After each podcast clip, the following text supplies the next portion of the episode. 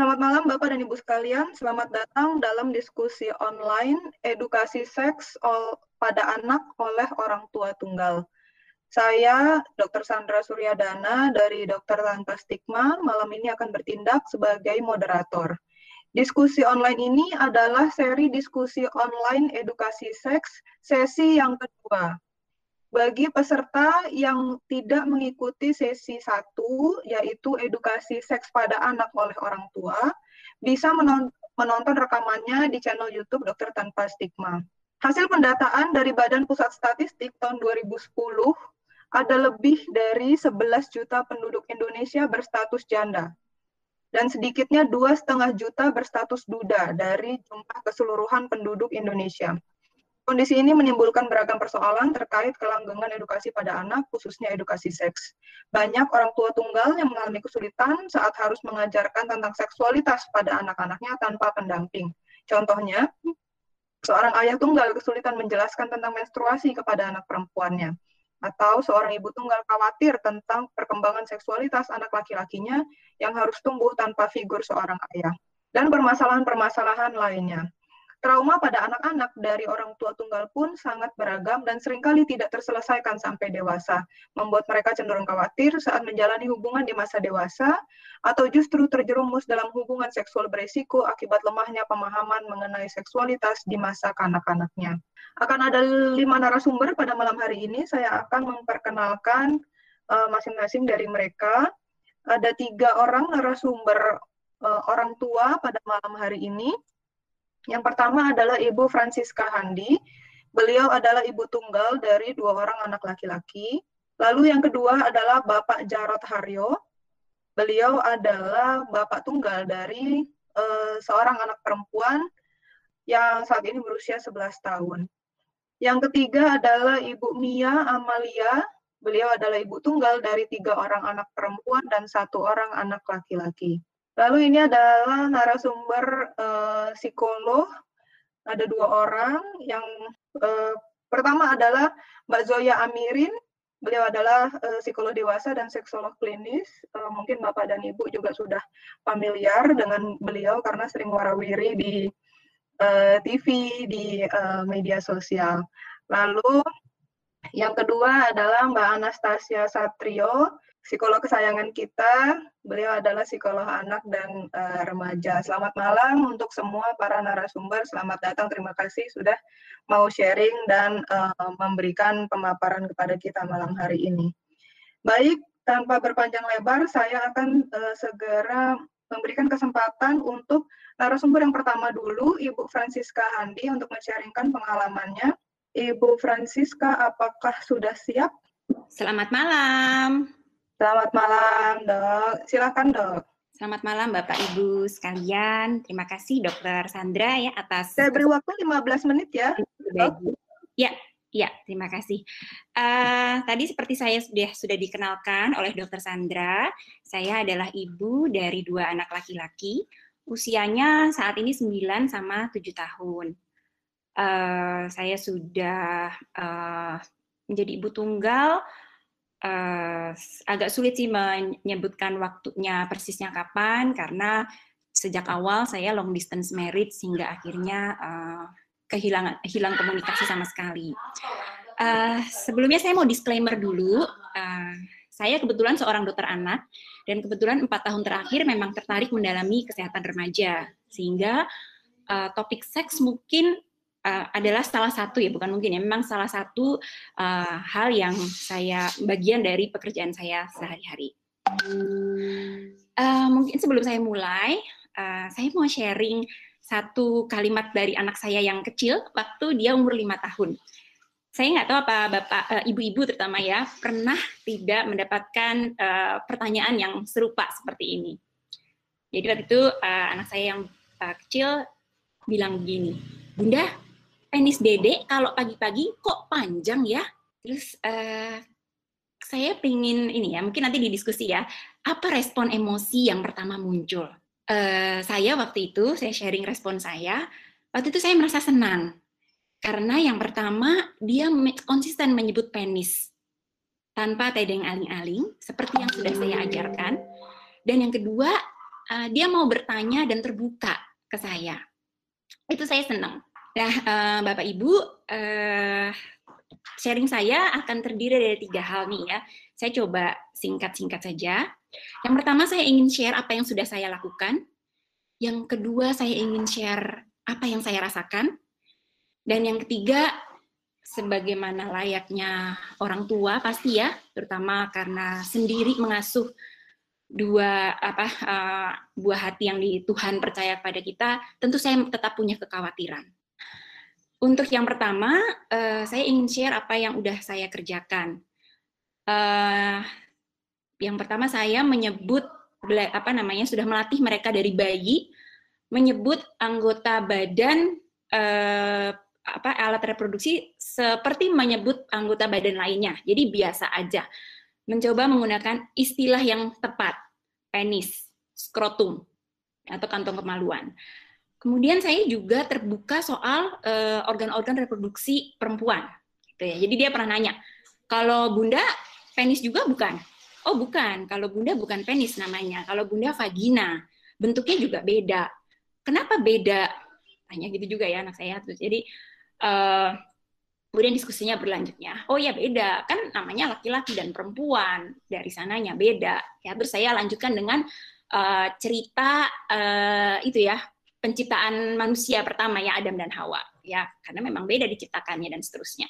Saya juga cerita bahwa tiap bulan saya uh, perempuan itu berdarah ya. Karena nggak ada dedek bayinya dan seterusnya ya. Dedek bayi itu kalau ada kalau sel telur ketemu sel sperma dan seterusnya. Jadi menceritakan juga ada unsur sains menjadikan uh, apa namanya uh, sebagai pembelajaran tentang sains juga ya.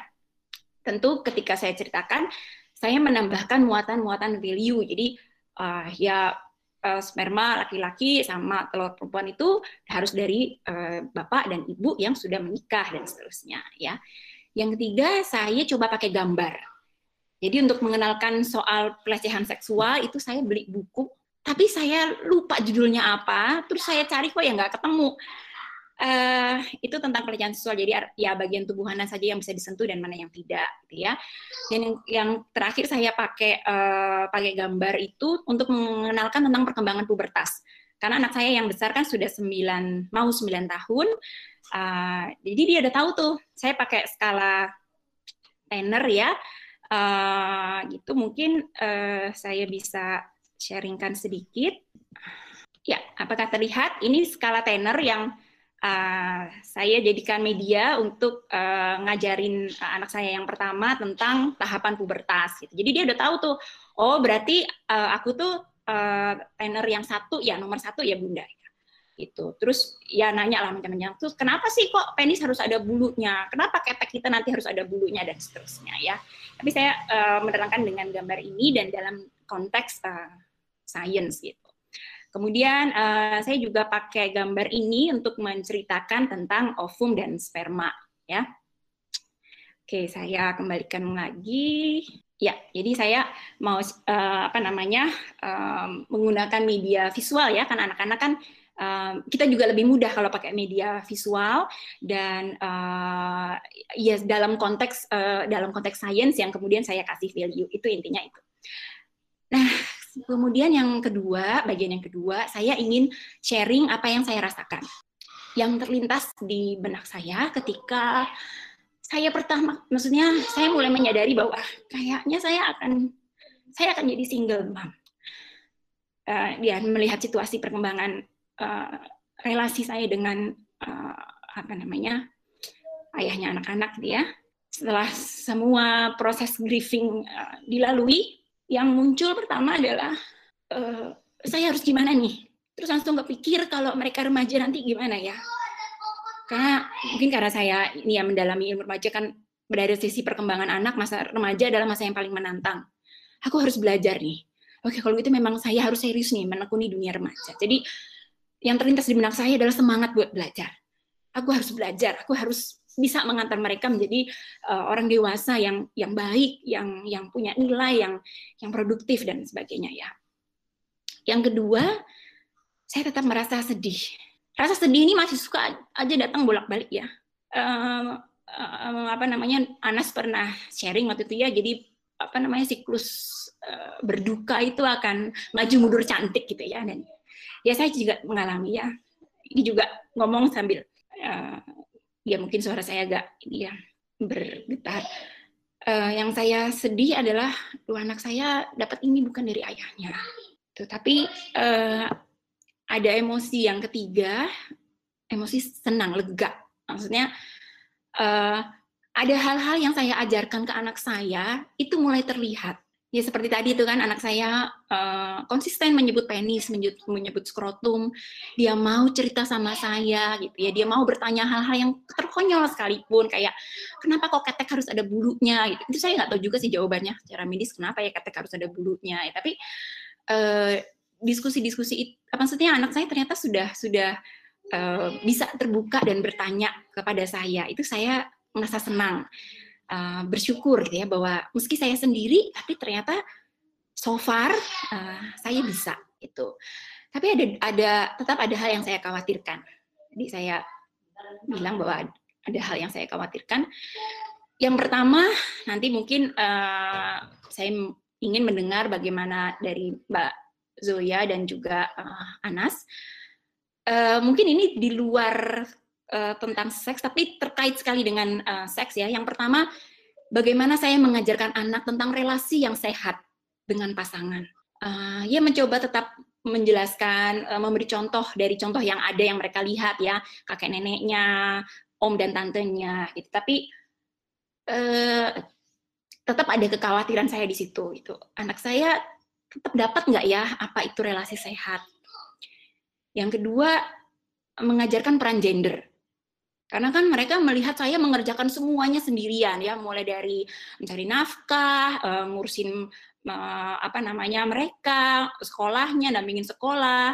Kebetulan anak saya yang besar itu berkebutuhan khusus, jadi uh, cukup ekstra ya waktu dan energi yang difokuskan untuk anak saya yang besar.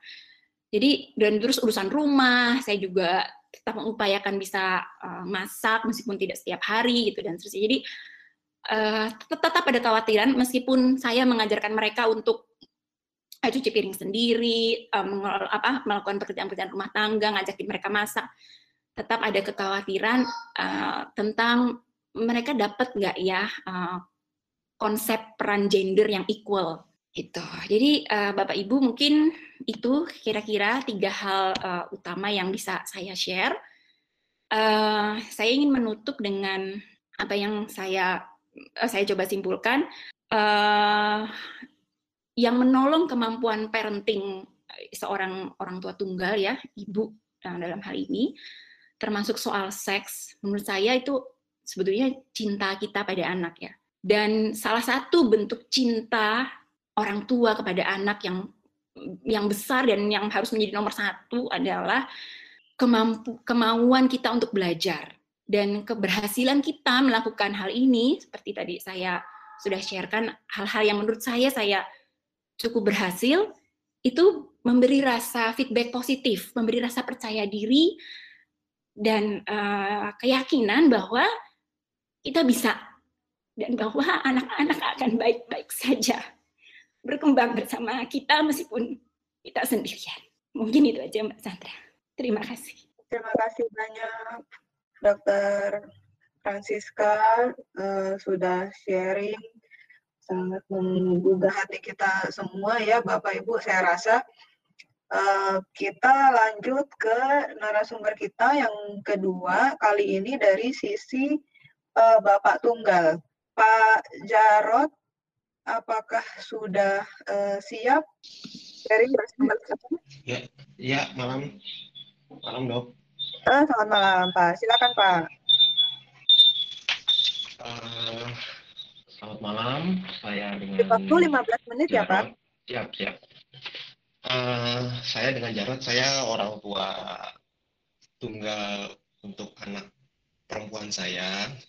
Empat tahun lalu, uh, ketika istri saya meninggal, um, ketika usianya masih sekitar tujuh tahun ya, tujuh tahun, itu memang ada kekhawatiran tentang bagaimana yang menjelaskan soal menstruasi kepada anak. Sementara saya sendiri juga pengetahuannya sangat minim tentang itu. Terus kemudian uh, kebetulan memang saya tidak terlalu uh, terbuka, jadi memang uh, saya me menjalankan setahap demi setahap tentang proses pertumbuhan si, uh, si kecil.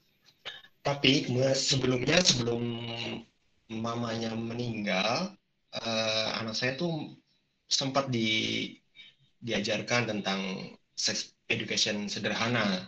Uh, umumnya uh, uh, simple tentang menonton film uh, video pendek di dari UNICEF tentang bagian-bagian mana yang tidak boleh dipegang.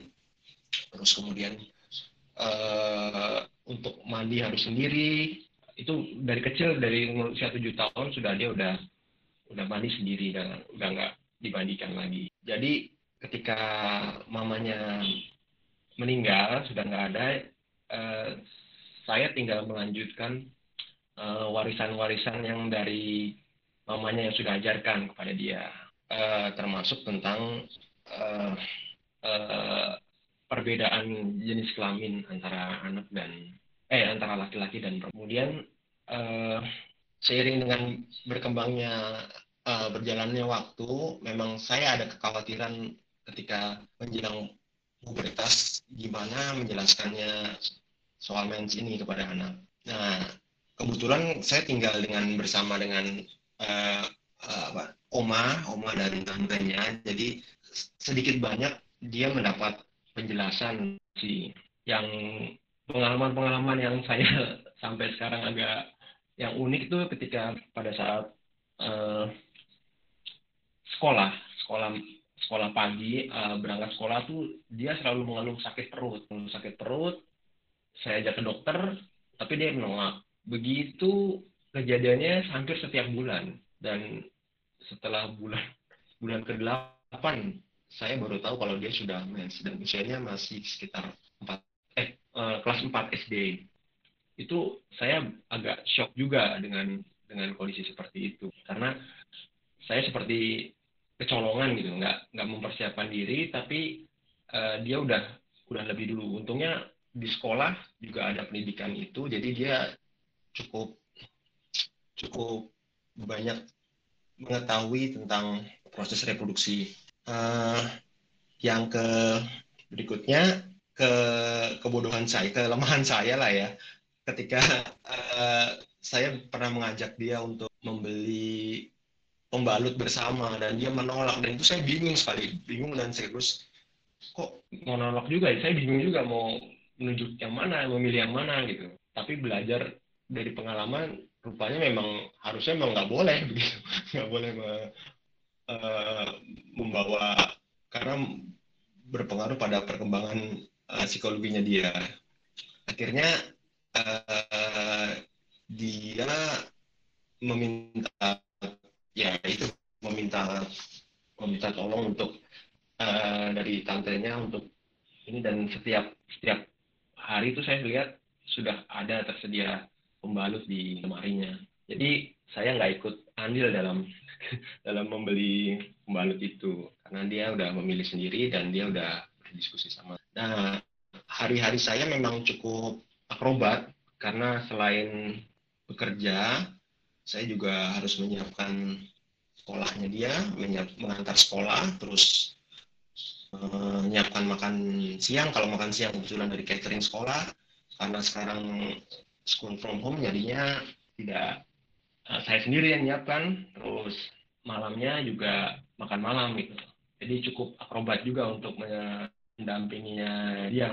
Uh, sampai saat ini memang tidak ada keluhan yang yang cukup menjadi ganjilan saya ketika ketika dia mulai beranjak remaja beranjak cuman memang ada sedikit gesekan-gesekan tentang relasi bagaimana uh, si ayah menghadapi anak yang anak perempuannya yang sudah mulai beranjak uh, besar. Uh, yang berikutnya soal hubungan relasi sih. Saya emang jarang jarang bermanja-manja ya sama dia memberikan. Jadi jadi ya uh, itu juga menjadi jadi satu nyamanan sebagai seorang seperti seorang ibu. Um, paling itu aja sih dok yang yang menjadi uh, sharing saya pada malam ini. Uh, kira-kira nah, beberapa pertanyaan dari bapak ibu semua. Gitu dok. Baik terima kasih banyak Pak Jarot uh, saya pribadi uh, mengucapkan sangat terima kasih ke Pak Jarot karena uh, tadi seperti di awal saya sebutkan ke stat, secara statistik jumlah uh, ayah tunggal atau duda itu memang jauh lebih sedikit dibandingkan janda atau ibu tunggal. Jadi untuk uh, mencari ayah tunggal yang mau uh, men-sharingkan pengalamannya ini cukup cukup uh, menantang buat saya. Tapi saya bersyukur sekali, terima kasih banyak Pak Jarod sudah uh, mau sharing bersama kita malam hari ini saya yakin sangat bermanfaat untuk uh, para peserta semuanya. Kita uh, beralih ke narasumber uh, yang ketiga, uh, Ibu Mia Amalia. Apakah sudah siap untuk men-sharingkan pengalamannya? Siap. Baik. Selamat malam, Mbak Mia. Silahkan. Uh, sama beri waktu 15 menit ya. Oke. Okay. Uh, perkenalkan nama saya Mia Amalia, jadi saya adalah ibu tunggal dari empat orang anak. Uh, kebetulan saya sudah jadi ibu tunggal selama 12 tahun. Anak saya sendiri tiga perempuan, paling besar sudah umur 21 tahun. Uh, lalu yang paling kecil laki-laki umur 11 tahun.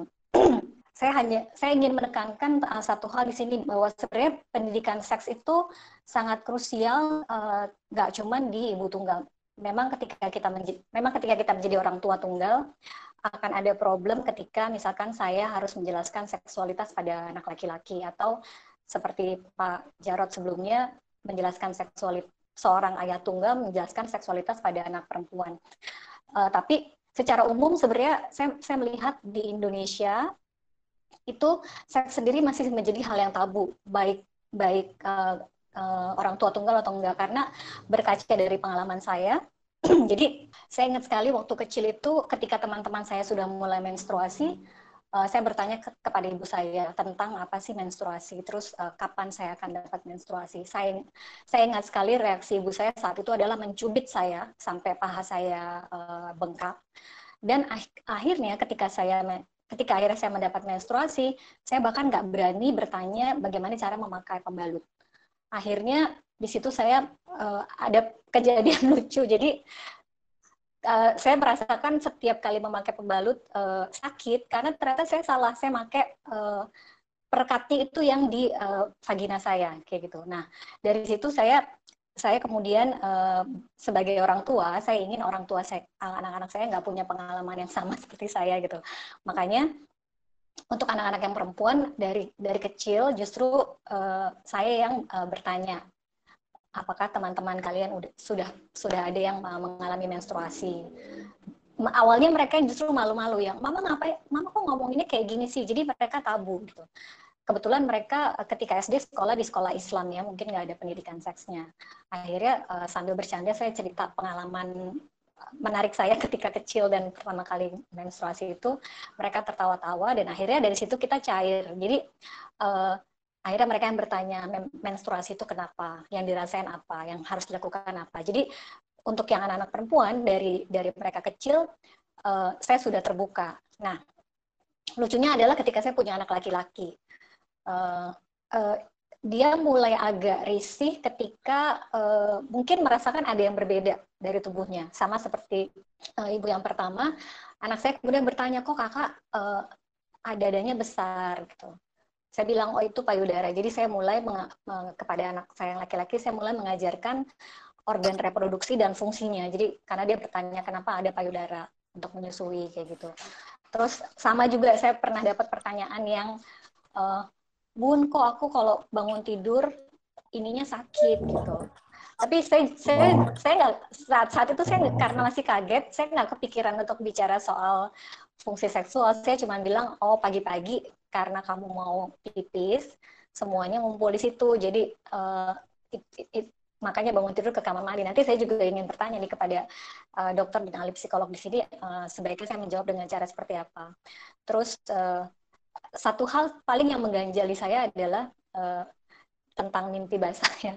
Maksudnya apakah apakah apakah saya bisa menanyakan itu ke dia atau saya berdiskusi dengan ayahnya untuk ayah dengan ayahnya saja dia berdiskusi. Karena terus terang kan saya nggak tahu nggak tahu itu apa nggak belum pernah mengalami uh, pengalaman seperti itu atau apakah seorang anak laki-laki akan nyaman bicara soal mimpi basah ke ibunya. Tapi uh, se se sebenarnya masalah seksual atau tidak menurut saya sih kunci dari kunci dari semuanya adalah uh, pola komunikasi yang terbuka. Jadi uh, yang saya ciptakan dengan anak-anak saya adalah uh, satu apa ya safe space di mana mereka bisa menanyakan apa saja ke saya tanpa malu, tanpa takut, dan bahkan kalaupun saya nggak punya jawabannya, kita cari cari jawaban bareng-bareng kayak gitu. Karena saya rasa anak-anak sekarang punya resource yang lebih banyak dari kita. Kalau dulu saya ma mau mau tahu menstruasi harus tanya ke orang tua, mungkin sekarang uh, mereka nggak perlu tanya, tinggal Google gitu. Sebenarnya sebenarnya yang saya lakukan adalah uh, membuka pintu komunikasi seluas-luasnya supaya fungsi saya sebagai orang tua nggak di, nggak digantikan oleh Google. Saya ingin mereka bertanya ke saya nggak nggak nggak lewat Google kayak gitu. Nah, se, se kadang-kadang saya juga me, mengundang diskusi dengan uh, dengan menceritakan uh, keadaan saya sendiri. Misalkan uh, ketika kemarin bulan puasa, misalkan uh, saya dapat menstruasi dua kali. Anak-anak bingung, mama kok menstruasi dua kali? Ya, saya bilang, mama nggak tahu ini karena mama stres atau karena mama capek. Tapi sepertinya ini adalah uh, gejala uh, pramenopause kayak gitu. Terus mereka langsung, oh masa sih menopause? Emang mama umurnya berapa? Terus karena saya udah bertanya ke ibu saya, jadi ibu saya itu menopause-nya uh, awal ya, di 50 tahun sudah. Saya bilang, mama kan menjelang 50 tahun, jadi mungkin aja ini gejala-gejala awal premenopause. Karena uh, saya, saya, saya cerita uh, tentang hot flash, tentang uh, mood swing, tentang mens yang kadang-kadang saya tiga bulan gak mens, kadang-kadang sebulan uh, dua kali. Nah, harapan saya sih dengan dengan saya bercerita ke mereka tentang hal-hal yang personal kayak gitu mereka juga uh, mereka juga akan melakukan hal, hal yang sama gitu. Karena uh, terus terang kekhawatiran saya adalah tiga anak saya sudah sudah gadis ya 21 20 sama 17 tahun gitu. Uh, saya juga enggak uh, apa saya juga ter, terbuka menanyakan kayak masalah pacar. Karena karena kan kita nggak nggak pernah tahu nih anak-anak sekarang dengan internet yang sangat murah dan sangat mudah diakses mereka udah nonton film apa aja gitu. Karena saya sendiri uh, pertama kali nonton uh, Blue Film itu ketika saya kuliah. Tapi di rumah teman saya di mana filmnya memang disediakan di situ dan kita nonton bersama orang tuanya gitu. Jadi saya ingin apa pun pengalaman seksual mereka itu uh, mereka share ke saya atau ditanyakan atau dikonsultasikan ke saya ketimbang mereka mendapat dari sumber-sumber yang uh, kita belum tahu uh, kebenarannya atau uh, segala mungkin dari saya itu aja kali San nanti saya lebih pengen bertanya sebenarnya Oke, terima kasih Mbak Mia atas sharingnya. Uh, saya izin mute dulu ya, Mbak. Oke.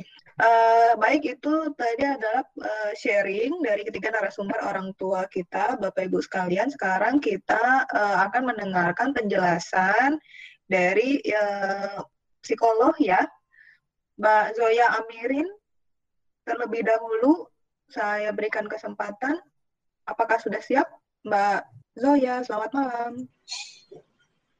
Masih di mute kayaknya boleh dinyalain. Uh, iya, Mbak Zoya Mungkin lupa unmute. Ya. Oh, my. Oke. Okay. So sorry. Gaptek biasa. Oke, okay, silakan Mbak Zoya. Waktu kira-kira uh, 20-25 menit ya. Oke, okay. uh, eh, slide-nya sudah ada. Saya tidak terlalu fasih nih soal Google Meet, jadi tolong dibantu. Yes. Kelihatan okay. Sudah? Ya. Iya, kelihatan. Perfect. Uh, terima kasih, selamat malam buat semuanya. Uh, senang sekali akhirnya boleh membahas seks edukasi khusus pada orang tua tunggal karena Iya, problemnya relatif lebih pelik ya dibandingkan uh, orang tua yang masih uh, ada dua-duanya. Walaupun kadang-kadang ada yang orang tua juga masih lengkap, tapi uh, harus mensikapi seperti orang tua tunggal karena kesibukan, karena LDM gitu ya, long distance uh, marriage dan sebagainya gitu ya. Jangankan uh, divorce gitu, kadang-kadang masih sama-sama aja anda harus bersikap seperti orang tua tunggal karena ya banyaklah gitu ya problem-problem hidup.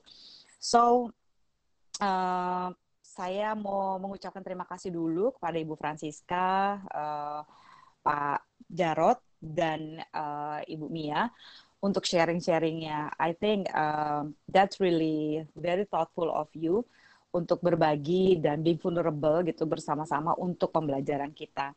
Uh, saya lihat memang kalau soal awkward gitu ya dan sebagainya udah pasti akan risih. Tapi uh, mungkin saya harus mengangkat sedikit beban dari uh, para orang tua tunggal yang tadi uh, sharing gitu ya Bu Francisca, Pak Jarot maupun Mia dan mungkin juga buat yang lain mendengarkan sebenarnya uh, dengan orang tua yang lengkap sekalipun dengan khususnya anak remaja kita tetap mungkin akan awkward juga gitu ya.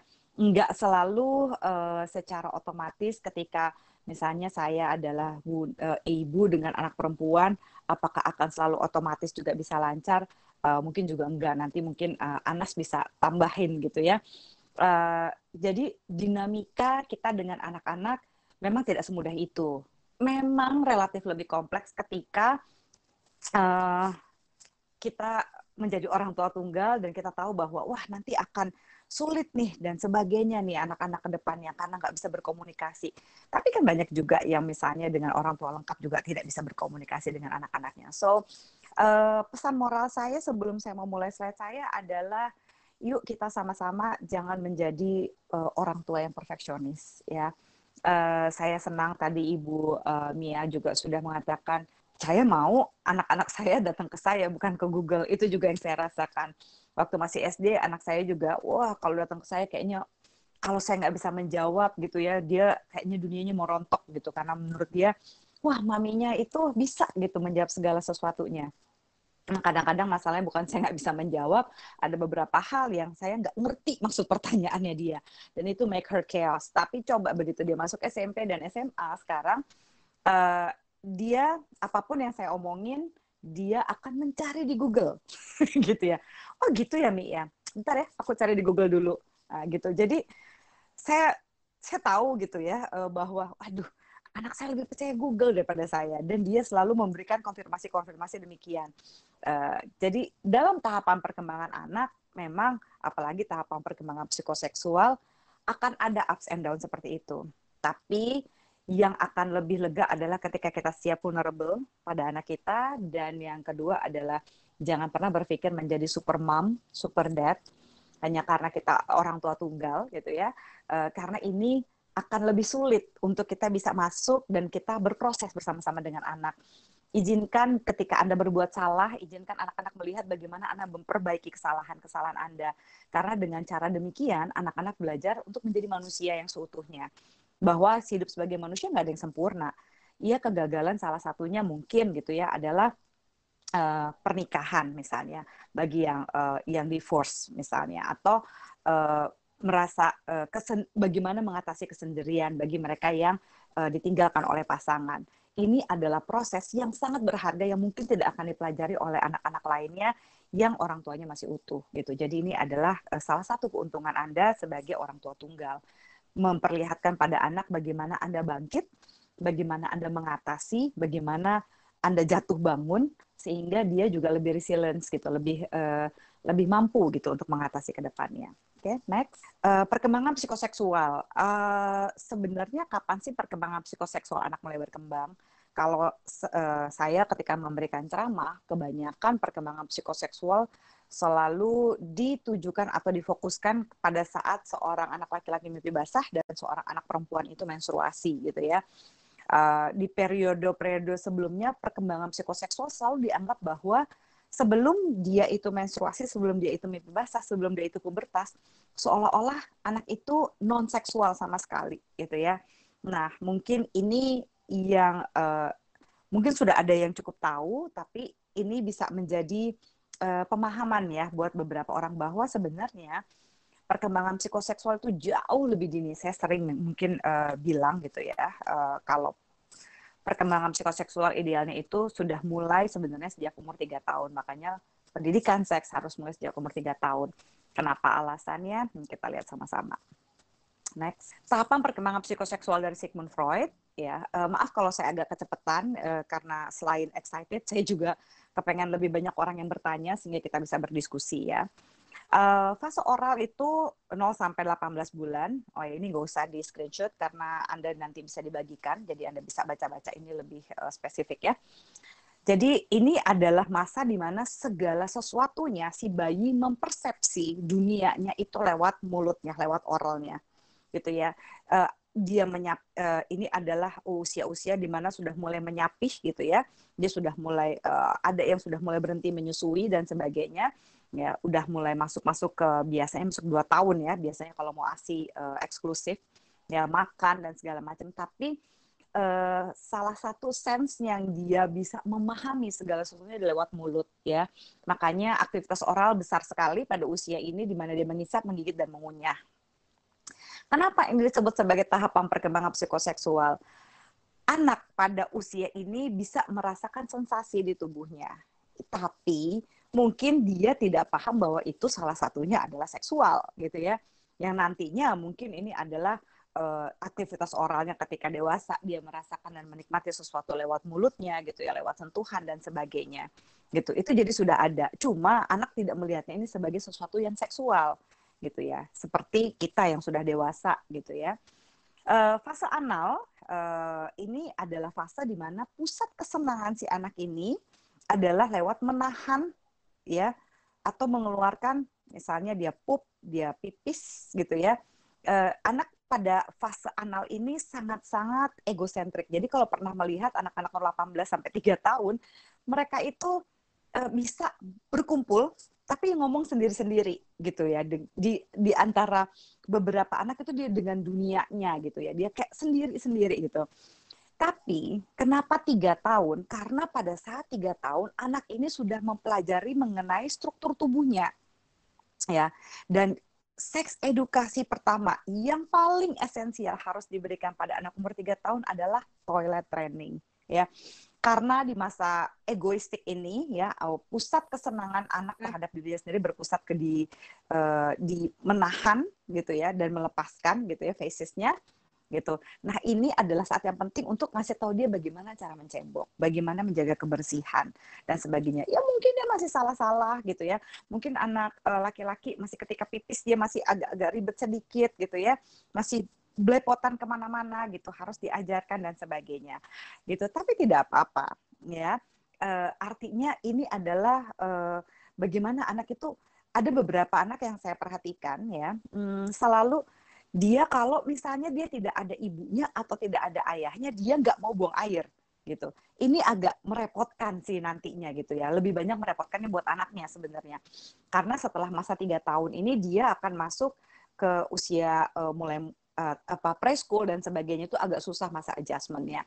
Nah, pada saat umur tiga tahun ini, anak sudah memahami perbedaan gender. Itulah sebabnya kenapa tiga tahun ini sebaiknya sudah diberitahu, sudah mencoba uh, belajar memahami tentang uh, wah kalau uh, perawat itu ada laki-laki ada perempuan nak. Nggak cuma laki-laki aja gitu ya. Oh driver uh, ojol gitu ya. Nggak cuma laki-laki kadang-kadang juga ada perempuan gitu. Nah pemahaman-pemahaman gender ini sudah bisa dikenalkan kepada anak gitu ya. Uh, jadi kira-kira pada usia ini meskipun Anda orang tua tunggal masih relatif mungkin bisa terhandle ya bahwa dia bisa memahami uh, tubuhnya uh, memahami tubuh orang tuanya gitu ya. Jadi uh, pada usia-usia seperti ini adalah sangat penting untuk memfokuskan kepada toilet training.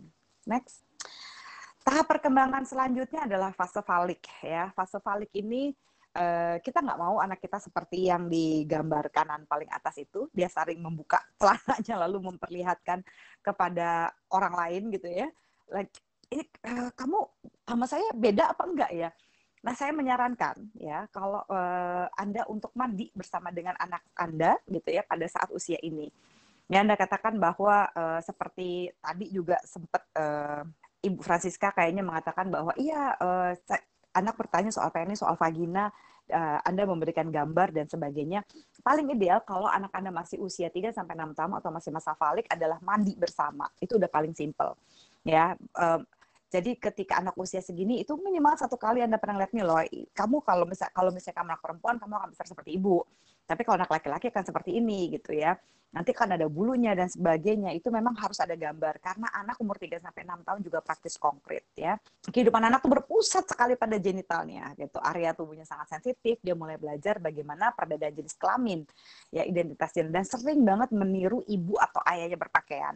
Kalau Anda orang tua tunggal, kemungkinan dia akan bisa melihat dari TV, dari tontonan gitu. Dia akan melihat orang-orang di luar sana gitu ya. Dan dia biasanya akan meniru gitu salah satu misalnya tokoh idolanya kalau misalnya uh, orang tuanya sudah tidak lengkap gitu.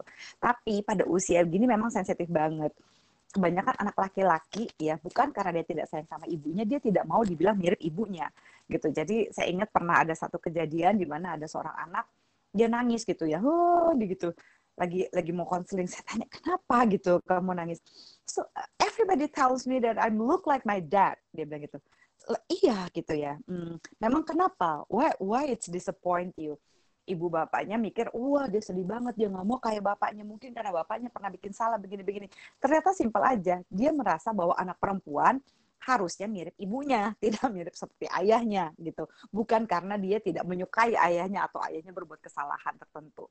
Jadi fase ini adalah anak-anak meniru segala sesuatu perilaku kita bahasa cinta yang paling penting memang pada usia ini adalah bagaimana Anda mencikapi gender yang lainnya. Kalau Anda perempuan, bagaimana Anda mensikapi gender laki-laki yang dekat dengan Anda dan keluarga gitu ya, misalnya ayah Anda, adik Anda gitu, kakak Anda atau siapa pun laki-laki eh, atau siapa pun yang berbeda gender di dalam lingkungan Anda. Dia akan mempersepsi bagaimana dia menghargai dirinya dari Anda bereaksi terhadap orang-orang uh, yang berbeda gender di lingkungan Anda. So it, that's very important, gitu ya, untuk uh, untuk memahami. Dan bisa jadi Anda itu bertanya gitu pada mereka kayak memang kalau kamu sukanya kalau misalnya kamu anak perempuan kamu kenapa kamu suka dia? Kenapa kamu meniru dia? Ini akan membantu kita memahami uh, si anak ini. Dan hati-hati pada usia ini anak-anak sangat sangat sangat exploring gitu ya di mana mereka kalau datang ke mall mereka akan buka baju mannequin dan sebagainya untuk melihat apa sih bedanya sama saya gitu, apa sih isinya gitu dan sebagainya. Dia akan mungkin kadang-kadang dia jalan iseng dia akan memegang payudara ibunya gitu ya karena ini adalah masa di mana dia mengeksplor segala sesuatu. Dia pengen tahu tentang identitas gender tuh perbedaannya ada di mana. Kenapa laki-laki dan perempuan berbeda gitu. Next, tahapan perkembangan selanjutnya ini cukup penting gitu ya. Uh, ya sebenarnya setiap tahapan ada ya uh, masa-masa keemasannya. Cuma pada masa ini uh, saya ingat saya baru belum lama saya nonton lagi film lama ada um, satu film namanya uh, He's Not Just Into You gitu. Itu dari sebuah novel dibahas sama Oprah pada waktu itu terus itu jadi ngetop saya ketawa waktu nonton film itu. Ya, mungkin Anda ada yang sudah pernah nonton film itu, jadi ini tentang relationship. Berapa banyak anak perempuan waktu lagi usia segini ini sekitar 6 sampai dia pubertas ya, ini masa sekolah nih SD, dibilang kalau misalnya dia dijorokin sama anak laki-laki, oh biasa lah nak, anak laki-laki itu lagi lagi kalau naksir memang begitu caranya sehingga anak perempuan tumbuh dan percaya bahwa sampai kapan pun gitu ya, kalau ada laki-laki yang isengin dia, mungkin dia cinta sama kamu gitu ya. Hati-hati terhadap pesan-pesan yang Anda katakan tentang relationship pada masa ini. Ya ketika dia nonton sinetron, ketika dia nonton di YouTube nih yang paling susah nih YouTube nih ya. Kenapa ada bimbingan orang tua gitu? Karena energi fisik dan psikologisnya itu adalah mengeksplorasi pengetahuan pengalaman melalui aktivitas sosialnya anda nggak bisa mengajarkan cinta dengan ngomong, nah, cinta itu kata Khalil Gibran adalah begini. Di sini dia akan mengobserve bagaimana Anda menghadapi perceraian Anda, bagaimana Anda mengatasi patah hati Anda, bagaimana Anda mengatasi uh, rasa kesepian atau kesedihan ketika Anda ditinggal oleh pasangan Anda. Ya, ini akan sangat dipengaruhi karena ini adalah uh, awal ya ini karena disebut masa laten. Jadi di sini laki-laki sama perempuan lagi nggak terlalu bisa uh, matching gitu ya, meskipun sama kakak atau adiknya sendiri. Tapi ya apa yang terjadi dinamika yang terjadi di sini ini akan relatif mempengaruhi pada masa pubertas nanti dan bagaimana dia membina relationship yang sehat ya. Memang mungkin terlihat masih terlalu dini untuk mengatakan pacaran, ya. Tapi pada saat ini anak itu mulai mempersepsi segala sesuatunya. Peran ibu bapaknya, gitu ya. Kalau misalnya ada orang tua tua tunggal, dia akan melihat tentang om dan tantenya. Dia melihat dinamika juga bagaimana orang tuanya e, berespon ya terhadap sekelilingnya gitu.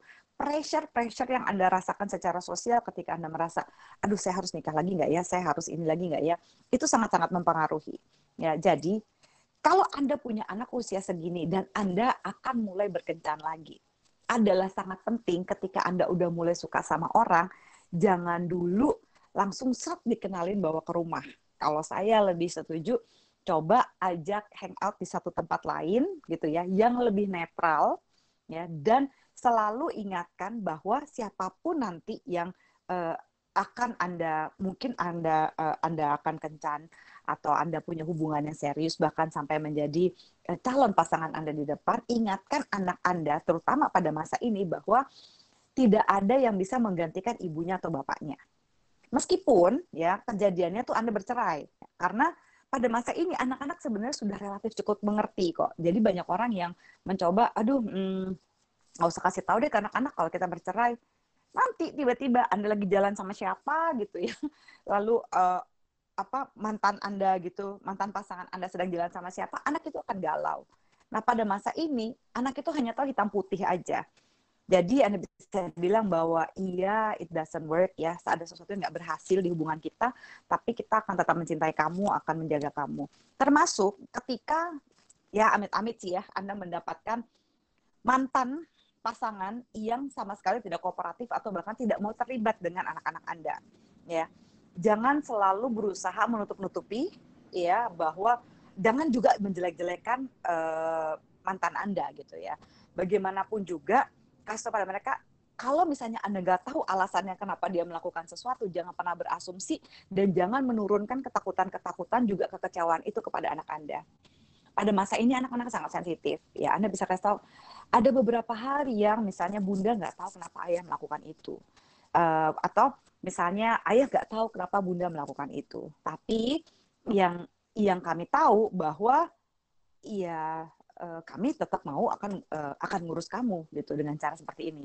Kalau misalnya begini, tapi kenapa ya? Aku disayang nggak sama bunda, aku disayang nggak sih sama ayah gitu. Dan ada hal yang kamu nggak mengerti, kamu bisa ya udah, yuk kamu mau bertanya, saya temenin dan sebagainya. Karena kalau kita selalu sering menutup-nutupi seolah-olah kita melindungi gitu ya, melindungi mantan pasangan kita, nah pada masa-masa ini akhirnya meledak nanti kita sendiri. Ketika kita meledak, kita udah tutupin, kita udah jagain, ternyata dia juga tetap tidak punya reaksi yang cukup positif terhadap anak kita, nanti yang ada kita malah marah. Dan anak melihat kemarahan-kemarahan itu malah jadi nggak bagus kadang-kadang it's okay loh untuk merasa sedih bersama dengan anak kita yang aduh sayang sekali ya misalnya bunda atau ayah sih maunya uh, uh, ayah kamu atau misalnya bunda kamu sih terlibat tapi ternyata dia nggak mau. Aku juga nggak ngerti kenapa gitu. Aku belum cerita kenapa tapi for sure janjikanlah sesuatu yang anda bisa berikan pada dia. Apa pun yang terjadi aku ada di sini gitu ya. Mungkin aku nggak bisa mengerti 100% tapi kita cari tahu sama-sama. Jadi being vulnerable dan tidak menjadi selalu sempurna adalah cara yang paling efektif untuk membuat anak-anak itu dekat pada kita dan melihat kita sebagai manusia gitu ya dan akan berproses bersama dengan kita. Nah, pada saat ini usia laten ini dia semakin banyak mengarah pada sistem reproduksi anak-anak itu.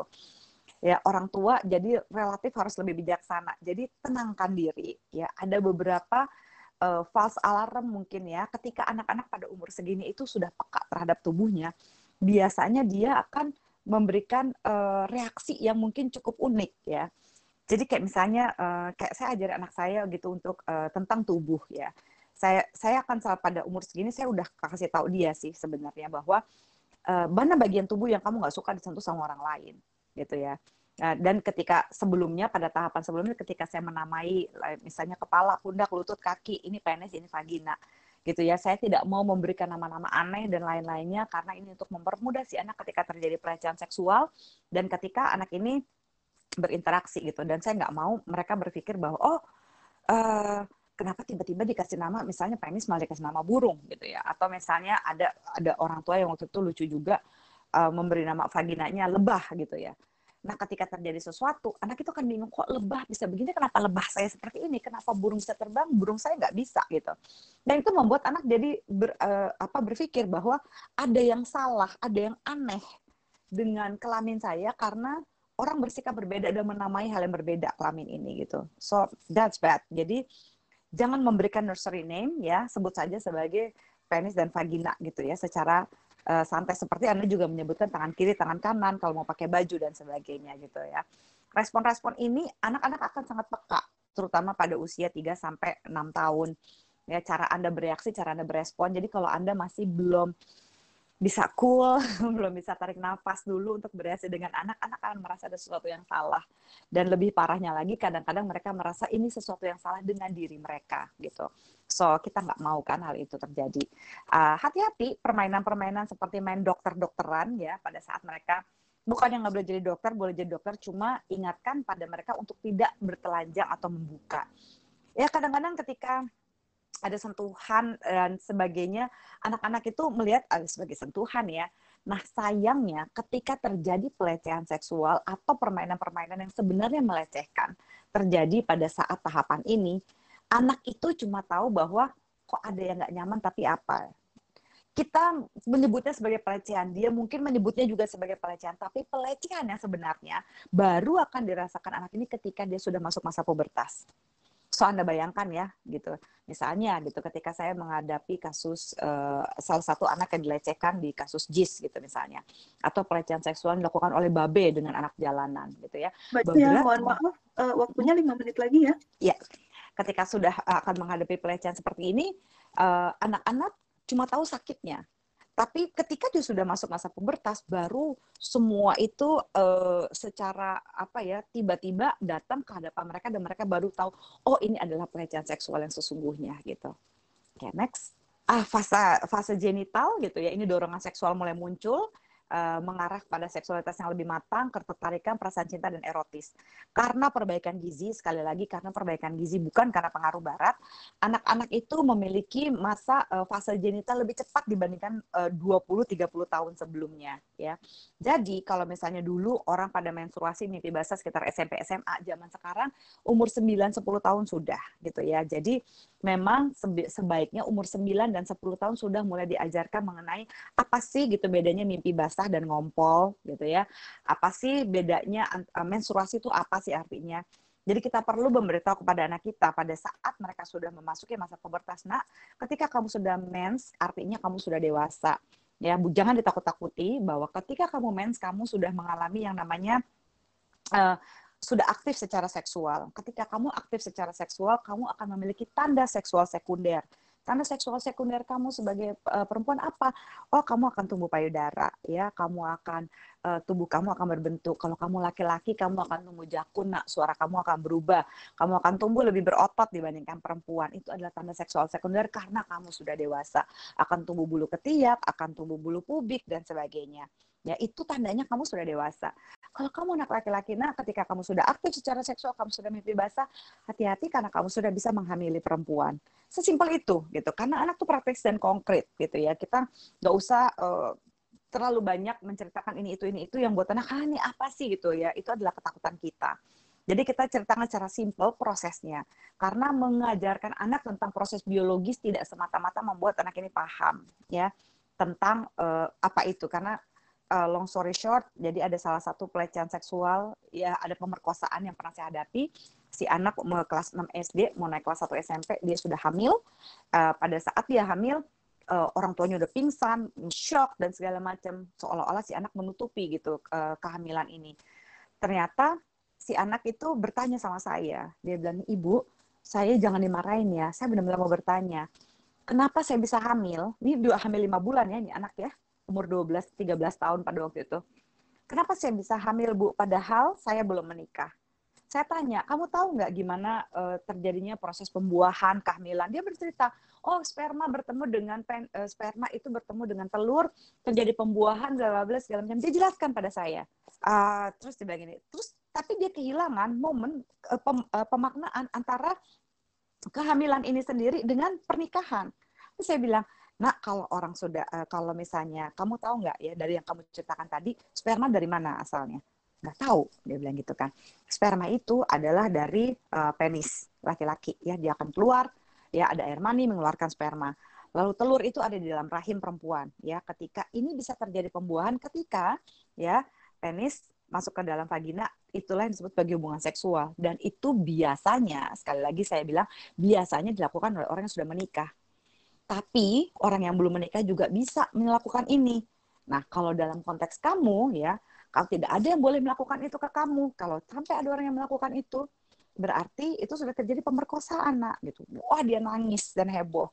Jadi ternyata dia diperkosa, dibilang sama uh, ada seorang kakek-kakek gitu ya, 60-an, 65 tahunan kalau nggak salah pada waktu itu, ternyata bilang, wah saya ini butuh gitu, saya sakit kalau saya tidak melakukan ini dan cuma kamu yang bisa menolong saya.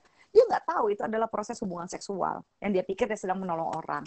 Jadi saya bukan mau menakut-nakuti tapi hati-hati gitu ya uh, untuk memberitahu pada anak tentang menstruasi dan sebagainya. Meskipun anda orang tua tunggal anda tetap bisa bercerita ini. Dan ajak anda untuk kalau kamu malu misalnya beli pembalut sama ayah kalau kamu misalnya nggak nyaman gitu ya ngomongin soal uh, ini uh, soal apa morning erection dan sebagainya pada bunda ya nggak apa-apa. Tapi kita cari tahu sama-sama yuk kalau ada apa-apa be open gitu next uh, ini bisa dilihat uh, bentuk-bentuk perilaku seksual pada anak ya uh, kira-kira umur berapa sih yang normalnya yang normatifnya bisa ditanyakan oleh anak-anak. Research ini mungkin sudah relatif agak lama, tapi saya melihat sampai saat ini masih relatif cukup signifikan kok bisa digunakan untuk melihat ini normal nggak sih anak saya ini kalau berperilaku seperti ini. Next. Uh, menghadapi pertanyaan anak tentang seks, ya. Uh, tidak selalu ketika mereka bertanya tentang seks itu berarti mereka bertanya mengenai hubungan seksual gitu ya. Seks edukasi bukan tutorial senggama. Seks edukasi bagaimana membantu pemahaman psikoseksual yang saya ceritakan tadi sesuai dengan usia biologisnya. Gitu ya. Uh, jangan sampai anak-anak mendapatkan informasi dari yang tidak terpercaya. Ya, kalau bisa ajak anak-anak untuk bisa uh, bersama dengan Anda mencari informasi ya, nama anggota tubuh sekali lagi bisa gunakan bahasa ilmiah penis dan vagina secara simpel ya. Uh, hubungan suami istri kalau anda mau lakukan katakan atau senggama gitu ya itu juga relatif nyaman. Tapi cara anda mengatakannya ini akan sangat berpengaruh terhadap anak-anak. Anak balita biasanya hanya ingin memastikan bahwa mereka punya anggota tubuh yang sama dengan orang lain gitu. Jadi anak balita memang cukup sensitif gitu. Kenapa perlu seks edukasi pada saat ini? Memberikan nama burung dan kelamin atau sesuatu dia akan merasa anggota tubuhnya ada yang salah gitu. Ada something weird about them. Jadi uh, pastikan mereka tidak merasakan seperti itu bahwa ada sesuatu yang salah sehingga mereka ngecek di teman-temannya gitu ya. Jangan sampai terjadi seperti itu. Oke, okay, next. Uh, pertanyaan anak tentang seks gitu ya, misalnya tadi ada beberapa contoh ya, uh, kenapa ya bisa ada adik bayi gitu ya, uh, berikan jawaban-jawaban yang praktis dan konkret ya sih dan sederhana, jangan ke sana kemari atau mengalihkan isu, mengalihkan pembicaraan karena anak tetap akan bertanya lagi gitu. Dan atau dia akan mencari tahu sendiri yang seperti tadi katanya Bu Amalia jangan sampai dia lebih percaya Google daripada kita gitu. Next, uh, saya akan membantu Anda untuk mencoba menjawab beberapa pertanyaan tadi ya, tapi yang jelas berikan informasinya itu secara simple dan umum, jangan detail ke teknisnya. Kayak oh kalau ketika senggama itu nanti dengan ini segala macam ibu bapak enggak. Itu it's complicated. Seperti yang saya bilang ke anak itu tadi bahwa ya ini ada penis ya uh, masuk ke dalam vagina itu ada disebut sebagai hubungan seksual dan biasanya dilakukan oleh suami istri yang sudah menikah dan itu berasal dari sini. Jadi itu itu very simple dan umum. Itu kita nggak harus menjelaskan teknis senggamanya seperti apa gitu ya. Uh, karena kalau enggak anak-anak akan bertanya ke yang lain dan juga ajarkan pada anak nah apa yang ayah yang ajarkan atau bunda ajarkan di rumah ini itu mungkin tidak sama dengan teman kamu. Gitu. Kalau enggak dia akan studi banding ke rumah temannya. Dia akan bilang eh kata ayahku begini loh kata bundaku begini begini begini. Lalu anak membandingkan. Itu memang anak rata-rata ya usia balita atau misalnya pas saat laten uh, itu cenderung melakukan hal ini. Jadi kita perlu ingatkan pada si anak bahwa uh, kalau berbeda itu nggak apa-apa. Dan jangan memaksakan uh, pengetahuan seksualitas yang kita sepakati di rumah ini uh, ke orang lain gitu ya. Supaya anak nggak uh, membanding-bandingkan atau membuat orang lain merasa tidak nyaman karena punya value yang berbeda dengan yang anda berikan misalnya. Dan juga dia jadi nggak nggak aneh-aneh di tempat umum gitu ya mencari tahu mengeksplorasi. Oke. okay. Next, uh, ini bisa dibaca gitu bersikaplah terbuka dan informatif terhadap anak.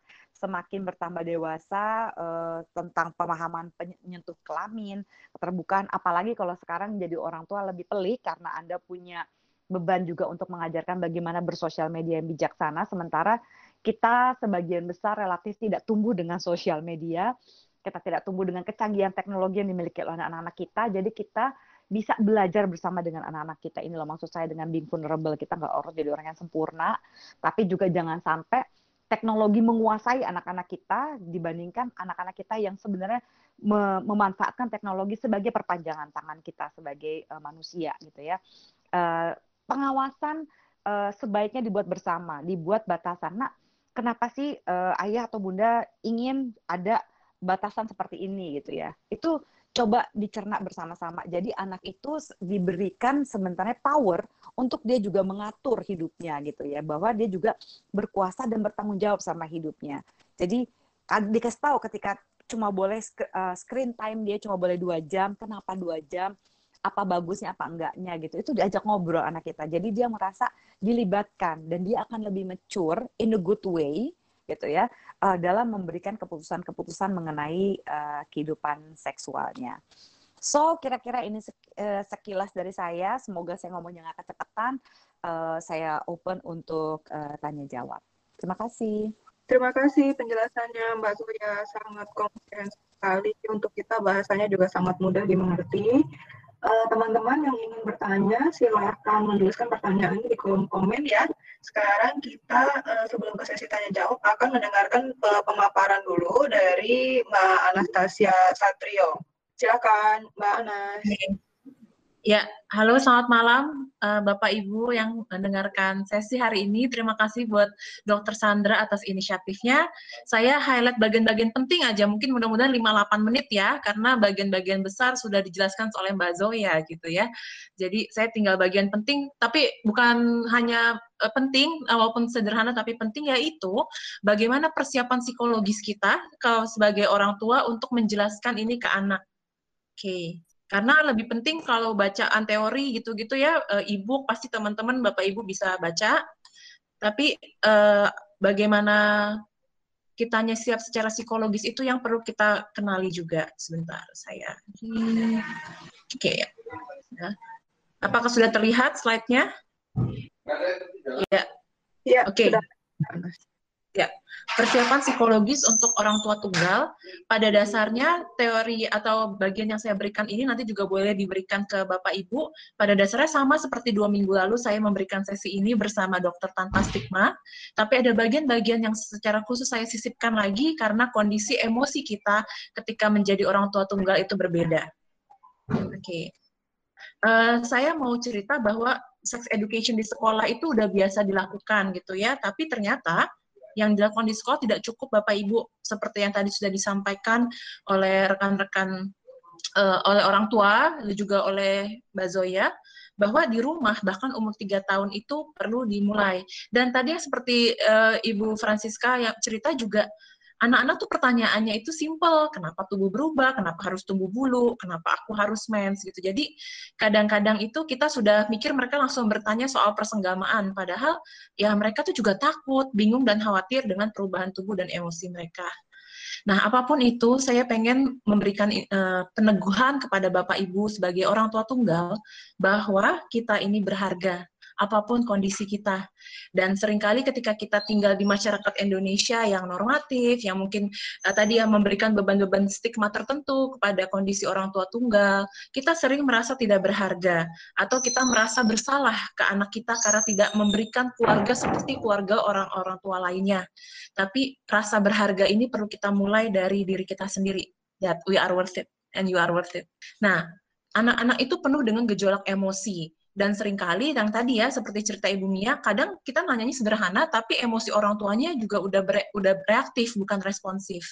Jadi sebelum kita belajar untuk mengenali dan membantu anak mengelola emosinya, jangan-jangan kita dulu yang perlu belajar menyadari terlebih dahulu apa sih emosi yang muncul ketika kita mendengar seks edukasi kepada anak hampir semua orang tua di Indonesia masih ngerasa tidak nyaman. Apalagi ditambah ketika saya sebagai orang tua tunggal memberikan seks edukasi kepada anak.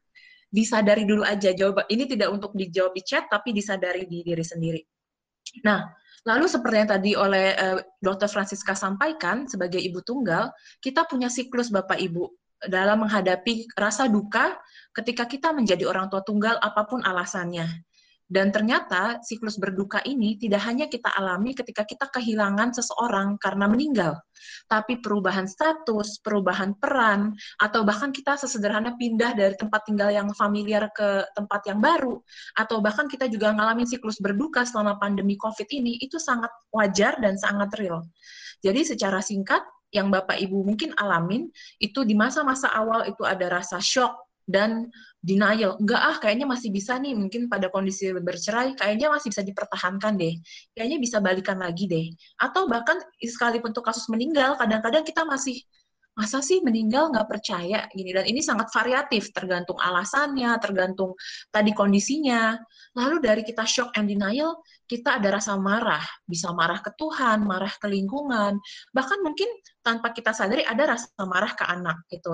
Atau marah ke diri sendiri. Jadi ini bisa kayak bazoka gitu ya bisa kesel ke berbagai hal setelah masa ini lewat, kita masuk ke masa seperti masa depresi, tapi kalau untuk tahu depresi apa enggak memang harus uh, ke profesional di bidang kesehatan mental, tapi rasa kayak nggak ada energi, merasa lelah, hidup tidak berarti, dan pengennya kayak sendiri aja atau pengennya di rumah aja gitu ya tapi dari masa ini biasanya kalau kayak kita luka fisik mungkin lebih kebayang. Kalau bapak ibu pernah luka terus dia kayak gatel ya gatel banget pas mau sembuh itu kan kayaknya gatelnya tuh nggak enak banget tapi sebenarnya tuh mau sembuh.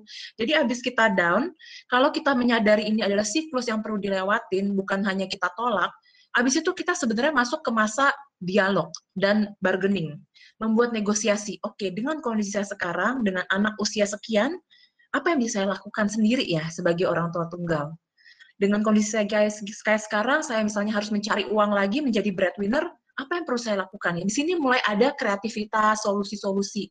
Jadi nggak bisa nih tiba-tiba hari ini misalnya kejadian berpisah atau menjadi orang tua tunggal atau karena meninggal, terus kita minggu depan udah tahu, oh saya mau ngapain. Kadang-kadang ini butuh waktu bulanan, kadang-kadang ada yang tahunan. Dan kalau mau dibantu untuk lebih cepat, itu biasanya memang konseling bersama psikolog, itu akan membantu juga.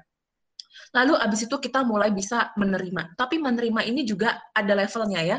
Makanya dengan sekarang orang-orang lebih aware soal kesehatan mental, selalu kita bilang emosi dan kesehatan mental itu seperti spektrum ya Bapak Ibu. Dari level 1 sampai 10 seberapa sih level acceptance sekarang? Oh mungkin bisa accept tapi tiga Lalu tadi, kalau misalnya ada hal-hal yang memicu kita, ada hal yang membuat kita ingat akan masa lalu, atau ke kejadian sebelum keluarga kita menjadi kita orang tua tunggal, bisa balik lagi ke sedih, bisa balik lagi ke anger, tergantung. Jadi makanya saya suka bilang, uh, grieving cycle ini kayak lagu dangdut, eh kayak lagu dangdut, kayak lagu Syahrini ya, maju mundur cantik. Jadi emosi manusia itu nggak jalan tol Bapak Ibu. Lalu kemudian perlahan-lahan kita belajar untuk mencarinya hidup bermakna, bukan hidup bahagia. Karena dengan bermakna kita bisa bahagia, tapi bahagia belum tentu bermakna. Oke, okay. yang saya dan menariknya Bapak Ibu, waktu saya uh, googling atau saya cari jurnal-jurnal penelitian tentang bagaimana orang tua tunggal mempersiapkan pendidikan seks pada anak, ternyata nggak ada jurnalnya atau minim sekali jurnalnya. Jadi ini juga bisa menjadi suatu uh, inkubator ya untuk kita melakukan penelitian bersama seperti apa sih orang tua tunggal memberikan pendidikan seks karena secara teoritis risetnya belum ada. Jadi yang saya pakai adalah emotional hygiene buat orang tua tunggal. Jadi kita ini perlu ada pengelolaan emosi. Uh, kalau sekarang orang-orang mulai sleep hygiene, jadi melakukan cara-cara supaya tidurnya berkualitas. Kita juga perlu mengetahui cara-cara mengelola kesehatan emosi. Karena emosi itu kan disimpan di tubuh juga ya, bukan hanya di pikiran. Dan ketika kita di Indonesia dua tiga generasi sebelum sekarang belum paham tentang emosi, belum paham soal kesehatan mental, biasanya kita ini belum diajarin sama orang tua dan lingkungan gimana sih cara ngelola emosi. Begitu ngalamin emosi yang intens ketika menjadi orang tua tunggal, kita suka gelagapan. Kayak gimana nih manage emosinya? AC aja sebulan sekali filternya harus dibersihin supaya dia berfungsi lagi sebagaimana mestinya. Tiap hari indikator manusia yang sehat fisik adalah bisa buang air besar. Tiap hari kita membersihkan tong sampah, dikeluarin sampahnya dibuang ke tong sampah besar. Nah, emosi-emosi yang kesimpan ini gimana dong cara prosesnya? Dan belum pernah ada yang ngajarin. Dan bisa sederhana kita lakukan self care diri sebelum kalau nanti 2-3 minggu udah coba lakuin self care kok masih nggak enak rasanya, ya, energinya masih lemah, masih low mood, masih gampang breakdown. Mungkin di saat itu kita juga perlu cari bantuan uh, profesional untuk counseling. And it's okay to be not okay. Yang pertama yang perlu kita sadari dulu adalah kenali keterlukaan emosi kita. Disadari dulu aja. Karena 50% menyadari emosi kita itu sudah membantu. Kayak tadi e, Ibu Francisca mencontohkan ya bagaimana dia bilang saya sedih, tapi saya juga ada harapan. Saya ada ketakutan. Nah, memang biasanya di usia dewasa kita ini mengalami emosinya itu mix emotion, emosinya bercampur aduk. Mulai dari remaja, kalau tadi dari cerita Mbak Zoya, uh, remaja, waktu kita remaja maupun anak-anak kita kan suka gitu, mau tapi malu, takut tapi gengsi gitu ya.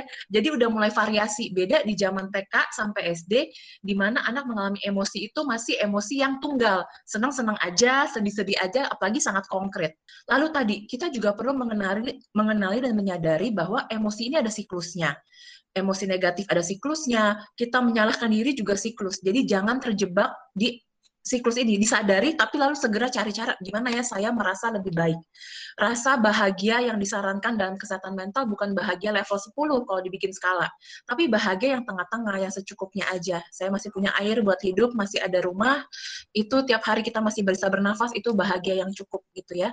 Dan kita perlu melakukan hal-hal yang membuat kita merasa berharga. Misalnya kembali bekerja, berkarya, membuat uh, sharing yang membuat orang lebih terempower itu bisa kita lakukan karena saat ini kita lagi belajar lebih cepat, lebih awal, bagaimana merasa berharga tanpa status-status di luar diri kita. Bagaimana merasa berharga dari dalam diri kita, dari kualitas kita sebagai manusia. Nah, apa sih kaitannya dengan mengajarkan pendidikan seks pada anak? Yang pertama adalah sebagai orang tua tunggal, kita perlu menyadari bahwa setiap kesempatan adalah teaching moment. Makanya perlu ready. Nah, emotional readiness ini yang ini salah satunya. Nanti Bapak Ibu mah kalau googling bisa banyak ya. Tapi kenapa kita harus secara emotional ready? Karena nanyanya bisa kapan aja. Misalnya adik saya pas lagi di mobil nanya, gimana sih? Umur tiga tahun? Dia udah nanya gimana sih cara masukin bayi ke dalam perut mah? Emang ditiup? Gitu. Jadi dia mikir kayak balon gitu ya. Bisa nanya tiba-tiba di mobil. Nanti abis ketemu uh, si tantenya yang abis hamil atau ngelahirin atau lihat TV bisa nanya. Jadi kapan pun bisa nanya. Lalu ini sebenarnya fondasi dari pendidikan seksual adalah komunikasi. Dan komunikasi adalah dibangun setiap hari dari hal-hal sederhana dan hal kecil. Dan lalu ini tadi kesempatan untuk menanamkan value keluarga seperti yang Mbak Zoya ceritakan bahwa bahwa pada umumnya kegiatan uh, hubungan suami istri atau persenggamaan dilakukan setelah menikah. Jadi itu juga bisa masuk ke value keluarga. Terutama kalau di anak-anak TK yang saya sangat concern sebagai psikolog anak dan remaja adalah memperkenalkan healthy touch, sentuhan yang sehat lagi beruntung nih lagi masa corona orang nggak bisa sembarangan sentuh. Tapi kan di rumah tetap aja ada orang. Dan 60% kasus uh, pelecehan seksual dilakukan oleh orang yang dekat orang uh, bagian dari keluarga.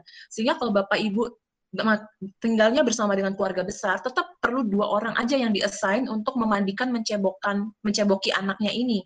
Karena ada orang-orang dari anggota keluarga kita yang nggak bisa kita kontrol, yang tadi ceritanya pakai diiming-imingin, ceritanya lagi main kuda-kudaan, bisa seperti itu. Nah, yang penting juga menurut saya adalah ini tambahan spesial saya tambahkan buat sesi bersama orang tua tunggal. Kadang-kadang nih, karena kita perlu bertahan hidup, kita selalu mikirin nggak apa-apa deh saya menderita, nggak apa-apa deh saya masih suka nangis-nangis, masih suka merasa bersalah. Yang penting anak saya bahagia. Tapi anak-anak itu, kalau psikolog itu bukan dukun Bapak Ibu, tapi anak-anak itu dukun. Maksudnya gimana? Anak-anak itu sangat merekam dan menangkap emosi yang kita rasakan.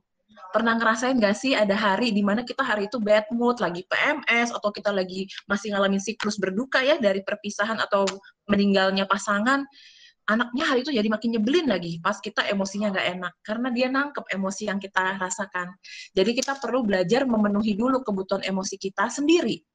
Karena ini juga yang saya sharingin ke perempuan-perempuan muda sebelum mereka masuk ke relationship. Yuk kita belajar penuhi diri kita sendiri dulu, merasa cukup dengan diri kita, baru kita bisa berbagi kecukupan kita dengan orang lain, bukannya jadi benalu ke orang lain. Nah, ini nanti bisa dibaca sendiri, direfleksikan, kira-kira kebutuhan emosi dasar ini dari hal ini ada nggak lima yang paling penting buat saya di saat ini? Karena setiap orang berbeda-beda. Misalnya saya dari proses saya konseling sebagai klien, saya baca, ikut workshop, saya jadi menyadari bahwa kebutuhan emosi saya itu adalah saya merasa dicintai ketika saya ditemani. Jadi saya bukan tipe waktu kecil, waktu anak-anak maupun sampai dewasa, remaja juga bukan tipe anak yang senang dikasih hadiah gitu. Tapi saya senang ditemenin. Jadi kalau misalnya dibeliin mainan tapi ditemenin, saya lebih suka ditemeninnya. Jadi main pakai jeruk-jerukan Bali tuh kayak zaman kita dulu atau main pakai kain di rumah atau bikin tenda-tendaan, saya lebih senangnya ditemenin. Nah, ini juga kita perlu mencari kebutuhan emosi saya apa ya yang saya anggap penting. Karena begitu kita tahu yang penting buat kita, kita lebih tahu membaca yang kebutuhan yang penting buat anak kita itu apa. Nanti saya akan kasih ini slide-nya karena di sini salah satu latihan sederhana untuk kita bisa mengenali pikiran dan perasaan kita yang muncul. Lalu perilaku kita apa. Kadang-kadang jeda kayak gini ini jarang kita dapatkan. Tapi menulis seperti ini, apalagi kalau Bapak Ibu sudah mulai mencoba self care dengan latihan napas, ada berbagai cara melatih napas yang gampang itu 4 7 8. Jadi napas, tarik napas empat hitungan, ditahan tujuh, dikeluarkan delapan, atau cara-cara latihan napas atau meditasi kesehatan lainnya ya, karena meditasi nggak harus berhubungan dengan agama, tapi ada spesifik meditasi kesehatan, ah, itu akan sangat membantu gelombang otak kita, akan sangat membantu pengelolaan emosi kita untuk diri kita sendiri dalam menghadapi peran sebagai orang tua tunggal, maupun dalam berkomunikasi mengenai pendidikan seksual kepada anak. Nah, yang pertama itu adalah ada tujuh hal, eh ada tujuh kalau nggak salah kurang ya. Yang pertama itu tadi, kita tanya ke diri sendiri, saya itu mau memberikan pendidikan seks ke anak sama seperti dulu yang saya diajarkan, seperti Bumia cerita, malah dicubit, atau saya mau menjadi teman yang terbuka. Lalu kemudian yang tadi apa basic-basic pemberian edukasi seksual sudah diberikan oleh Mbak Zoya, kira-kira itu eh, panduannya. Lalu ciptakan suasana dialog. Menurut kakak gimana? Menurut adik gimana? Jadi kalau anak nanya, cara saya, uh, cara cheatnya itu adalah kalau dia nanya, eh gimana sih bisa ada bayi dalam perut? Berapapun usianya, sambil kita mikir, saya suka tanya balik. Kalau menurut adik, gimana caranya? Hmm, gimana ya nggak tahu gitu. Jadi kita jadi tahu di level mana kita harus jelasin sesuai pemahamannya dia. Lalu tadi seperti yang Mbak Zoya bilang, jujur. Kalau nggak tahu, kita bilang, eh mama belum tahu, kita cari yuk besok gitu ya. Uh, karena anak-anak juga perlu tahu kita manusia biasa. There is no such a perfect parent. Yang sekarang kita lagi campaign adalah the, there is no such a perfect parent, there is no such a perfect mom and perfect dad. Yang ada adalah good enough parent, good enough mom, good enough dad, good enough person. Jadi orang yang cukup aja dan cukup itu sudah sangat cukup buat anak kita. Lalu kita bisa, kalau nanti usia E-nya udah mulai SD, kita bisa baca informasi bersama, terus kita diskusi. Dan kalau bahasa zaman sekarang itu santuy. Jadi kita bisa masukin value-value kita, ya kalau menurut ibu sih ini tuh kayak gini-gini. Gimana kalau menurut kakak? Atau gimana menurut adik? Dan mungkin kita nggak mengalami situasi rumah atau orang tua sebagai tempat yang paling aman untuk bertanya, tapi kita bisa mengubah itu dan melakukan ini untuk keluarga kita sendiri. Nah, yang saya pengen ceritain secara singkat adalah relation itu lebih penting daripada reasonnya. Jadi untuk anak-anak kita perlu belajar tadi regulate itu tentang rutinitas. Lalu relasi kita sebagai orang tua ke anak. Penting juga mengenalkan kata-kata emosi ke anak sehingga kita juga biasa, aduh, mama hari ini seneng deh makan malam bareng kamu. Atau mama hari ini sedih dia lagi capek. Kayak gitu. Jadi kita juga bisa menggunakan kata-kata emosi sehingga anak ini biasa mendapatkan pendidikan seks ini dalam suasana emosi yang hangat, bukan kayak ya duduk. Hari ini mama akan jelasin tentang pendidikan seksual. Ya langsung pada jiper ya anak-anaknya baru berpikir. Dan saya pikir ini juga menjadi penjelasan terhadap banyak masalah di Indonesia. Kita itu sering diajarin berpikirnya udah masih berpikirnya harusnya konkret di zaman TK sama SD udah diajarin konsep-konsep abstrak di PPKN kayak kejujuran menghormati padahal nggak tahu nih konkretnya apa. Jadi harusnya di masa kita belajar regulation belajar relation dengan orang lain udah disuruh reason. Jadi otaknya nggak matang-matang karena salah salah stimulasi gitu ya dari SD-nya gitu. Dan yang penting adalah investasi kesehatan mental untuk anak buat orang tua tunggal maupun buat semua anak lainnya adalah merasa aman secara emosi. Jadi daripada bertahan di hubungan pernikahan yang toksik, yang kitanya juga menderita ketika udah ada boundariesnya, oke, okay, saya menjadi orang tua tunggal. Saya pastikan anak ini mendapatkan pengalaman rutinitas, kestabilan, dan rasa aman secara emosi. Sesederhana kalau kita marah, kita usahain, kita tidak mengancam akan meninggalkan anak. Buat anak-anak dengan orang tua yang masih lengkap, diancam ditinggal aja itu juga memberikan mereka kondisi emosi yang tidak enak dan kalau itu intens dilakukan terus-menerus mungkin bisa menjadi trauma. Apalagi buat anak-anak yang ada pengalaman dulu ada dua orang tua lalu sekarang tinggal satu jadi kita sebisa mungkin tadi balik ke mengelola emosi kita dulu supaya waktu kita marah kita nggak keluar kata-kata ya udah kamu sama papa kamu atau aduh mama nyesel nih ngambil kamu yang seperti itu lebih berbahaya dari sekedar masalah kita pendidikan seks ke anak tapi komunikasi dan rasa aman ini yang diperlukan. Jadi yang mau saya sharing juga adalah it's okay to be not okay. Banyak emosi yang lagi butuh kita proses, tapi kita cari cara untuk merasa lebih baik. Dan kita juga perlu memahami bahwa sex education ini adalah proses berkelanjutan dan jangan dianggap beban tapi dianggap sebagai sarana komunikasi dan teaching moment. Dan kalau Bapak Ibu masih merasa kesulitan, sesi konsultasi dengan psikolog biasanya itu juga membantu membantu Bapak Ibu menavigasi bagaimana memberikan pendidikan seks ke anak atau membantu menjelaskan ke anaknya. Jadi ada beragam uh, opsi yang bisa dilakukan bersama profesional di bidang kesehatan mental. Dan kadang ada anak yang suka nanya ulang-ulang-ulang. Kenapa itu? Karena perkembangan otak anak itu dia butuh mengulang. Saya percaya knowledge is power. Jadi bukan masalah Bapak Ibu sebagai orang tua tunggal, tapi seberapa pengetahuan yang Bapak Ibu punya, termasuk pengetahuan tentang berkomunikasi ke anak, dan pengetahuan self-care emosi kita sendiri. Anak-anak itu biasanya bertanya dengan rasa ingin tahu dan curiosity. Jadi tugas kita menjelaskan dengan nada bicara yang empatik. Tapi gimana bisa empatik kalau misalnya kitanya sendiri uh, lagi ngalamin hal-hal nggak enak. Makanya selalu seperti kita di pesawat, masker oksigen, kondisi kesehatan mental emosi harus kita dulu baru kita bantuin anak. Dan ini mungkin agak berbeda dari pendekatan parenting atau pengasuhan di zaman dulu di mana kayaknya orang tua yang baik itu yang berkorban segala-galanya yang menderita buat anak. Padahal ini sekarang kita butuh napas dulu buat diri kita baru kita bisa bantuin anaknya. Jadi jangan lupa self care buat para orang tua tunggal yang mengikuti sesi di sini karena we cannot pour from an empty cup. Dan self care ada macam-macam caranya mungkin nanti kita bisa diskusi dan balik lagi, it's okay to be not okay. Terima kasih Bapak Ibu buat kesempatan saya sharing. Sebentar, stop sharingnya. Terima kasih banyak Mbak ya. Anas atas penjelasannya. Uh, Bapak Ibu sekalian dan teman-teman, kita uh, langsung mulai ke sesi tanya jawab ya. Sudah ada beberapa pertanyaan yang uh, saya kumpulkan di sini. Sebelumnya saya informasikan dulu bahwa pertanyaannya saya batasi uh, mengenai edukasi seks oleh orang tua tunggal ya Bapak Ibu. Untuk pertanyaan yang uh, di luar topik ini, karena tadi ada yang bertanya tentang edukasi seks pada anak berkebutuhan khusus. Uh, sementara masih saya persiapkan uh, saya proses uh, nanti akan ada diskusi online tersendiri untuk edukasi seks pada anak uh, berkebutuhan khusus. Hari ini kita hanya membahas edukasi seks oleh orang tua uh, tunggal ya Bapak Ibu sekalian. Saya mulai bacakan pertanyaannya. Ini pertanyaannya ditujukan kepada dua uh, narasumber psikolog kita, tapi silahkan kalau narasumber uh, orang tua ingin menambahkan ya, men-sharingkan pengalaman pribadinya.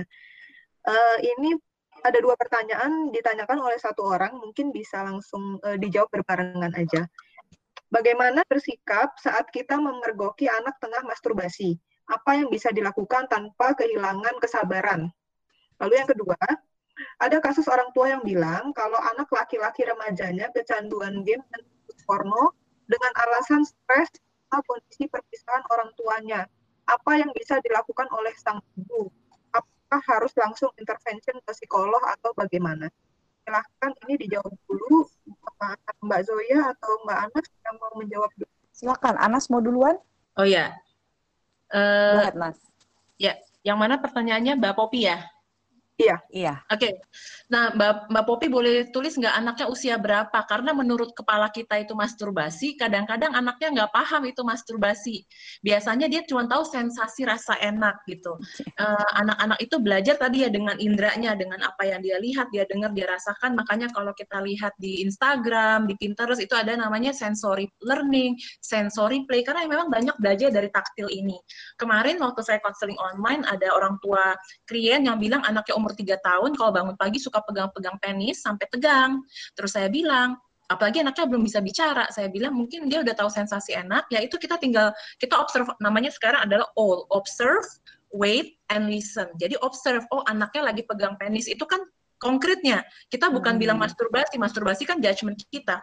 Oh ya ibu lihat kamu lagi pegang penis pakai tangan kiri apa sih rasanya? Kita tanya dulu gitu atau oh gatel. Anak tuh awalnya ketahui juga gara-gara biasa kalau gatel dia pegang eh kok enak ya? Gitu Oh rasanya gatel atau enak, iya.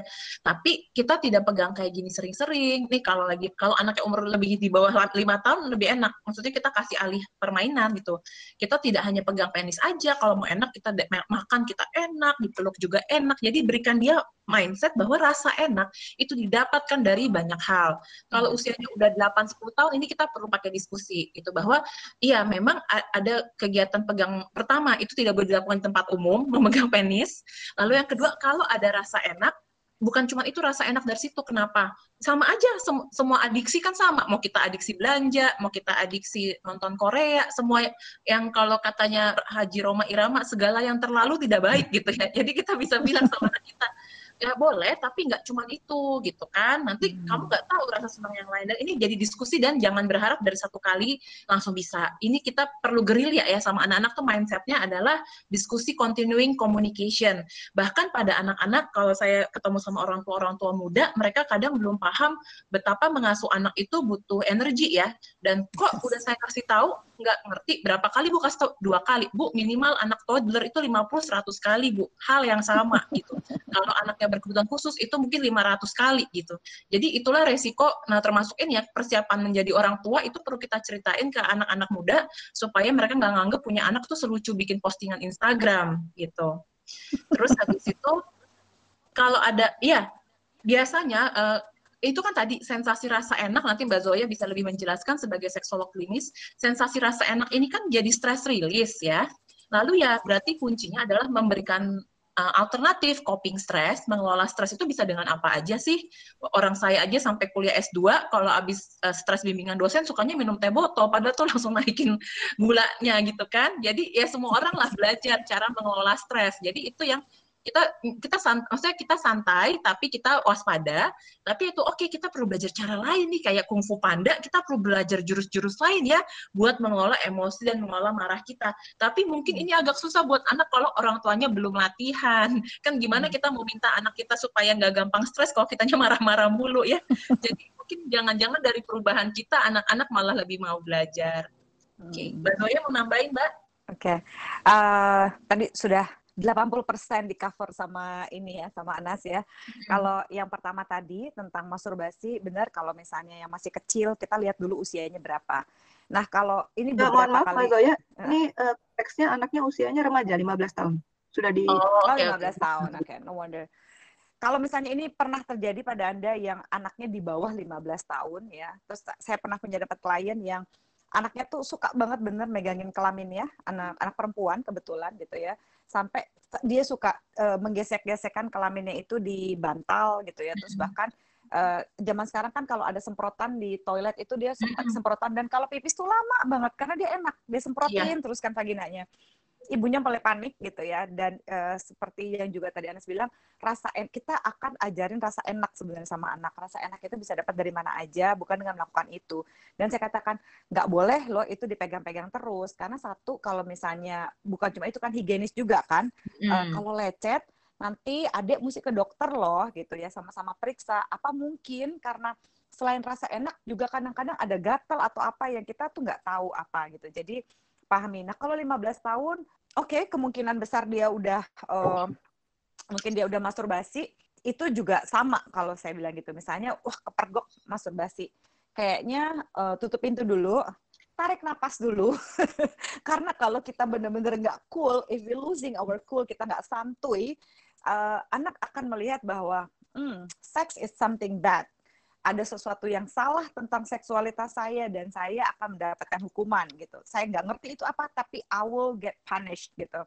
Nah, nuansa energi itu yang kita nggak mau kasih ke anak kita. Ya, umur 15 tahun, anak itu lagi heboh-hebohnya. Sekarang gini deh, kalau misalnya terutama mungkin bagi bagi anak laki-laki gitu ya. Kalau misalnya itu ada uh, berapa banyak sih kita waktu umur 15 tahun eksplorasi kita tuh apa sih gitu? Kita nggak mungkin kita nggak pernah berbuat salah kan.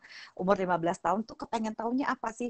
Kepengen sama cowok yang cakep kita pengen cium Mbak Zoya Mbak Zoya bisa disambung lagi? Tadi nge-freeze soalnya. Koneksi terputus. Padahal masih tersambung Mbak Zoya dengan kita sebenarnya Ya. Kita tunggu dulu sebentar ya. Lagi tengah-tengah Mbak Zoya semangat menjelaskan, tiba-tiba freeze.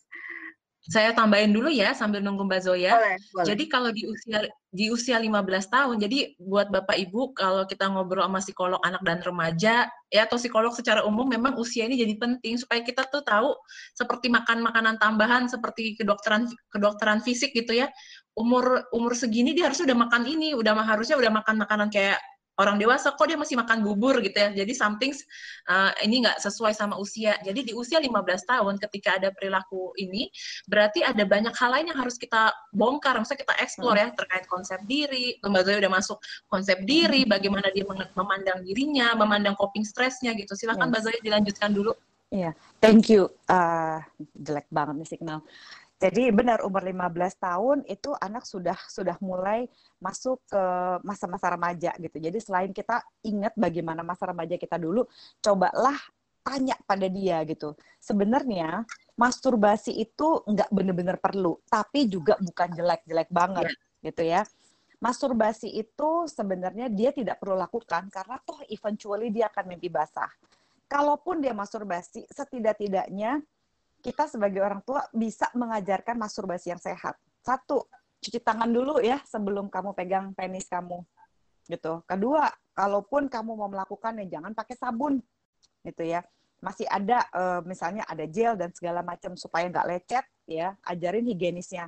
Dan yang ketiga dan yang paling penting adalah tidak masturbasi sambil menonton film porno.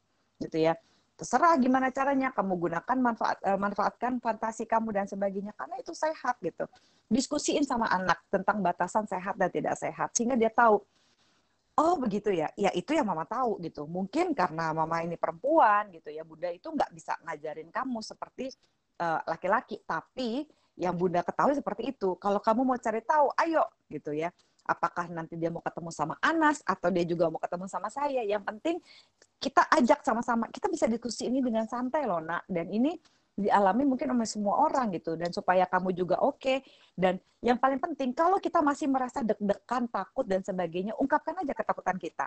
Apa sih ketakutan kita kalau anak kita masturbasi? Apakah dia jadi nakal nakalnya kayak apa gitu.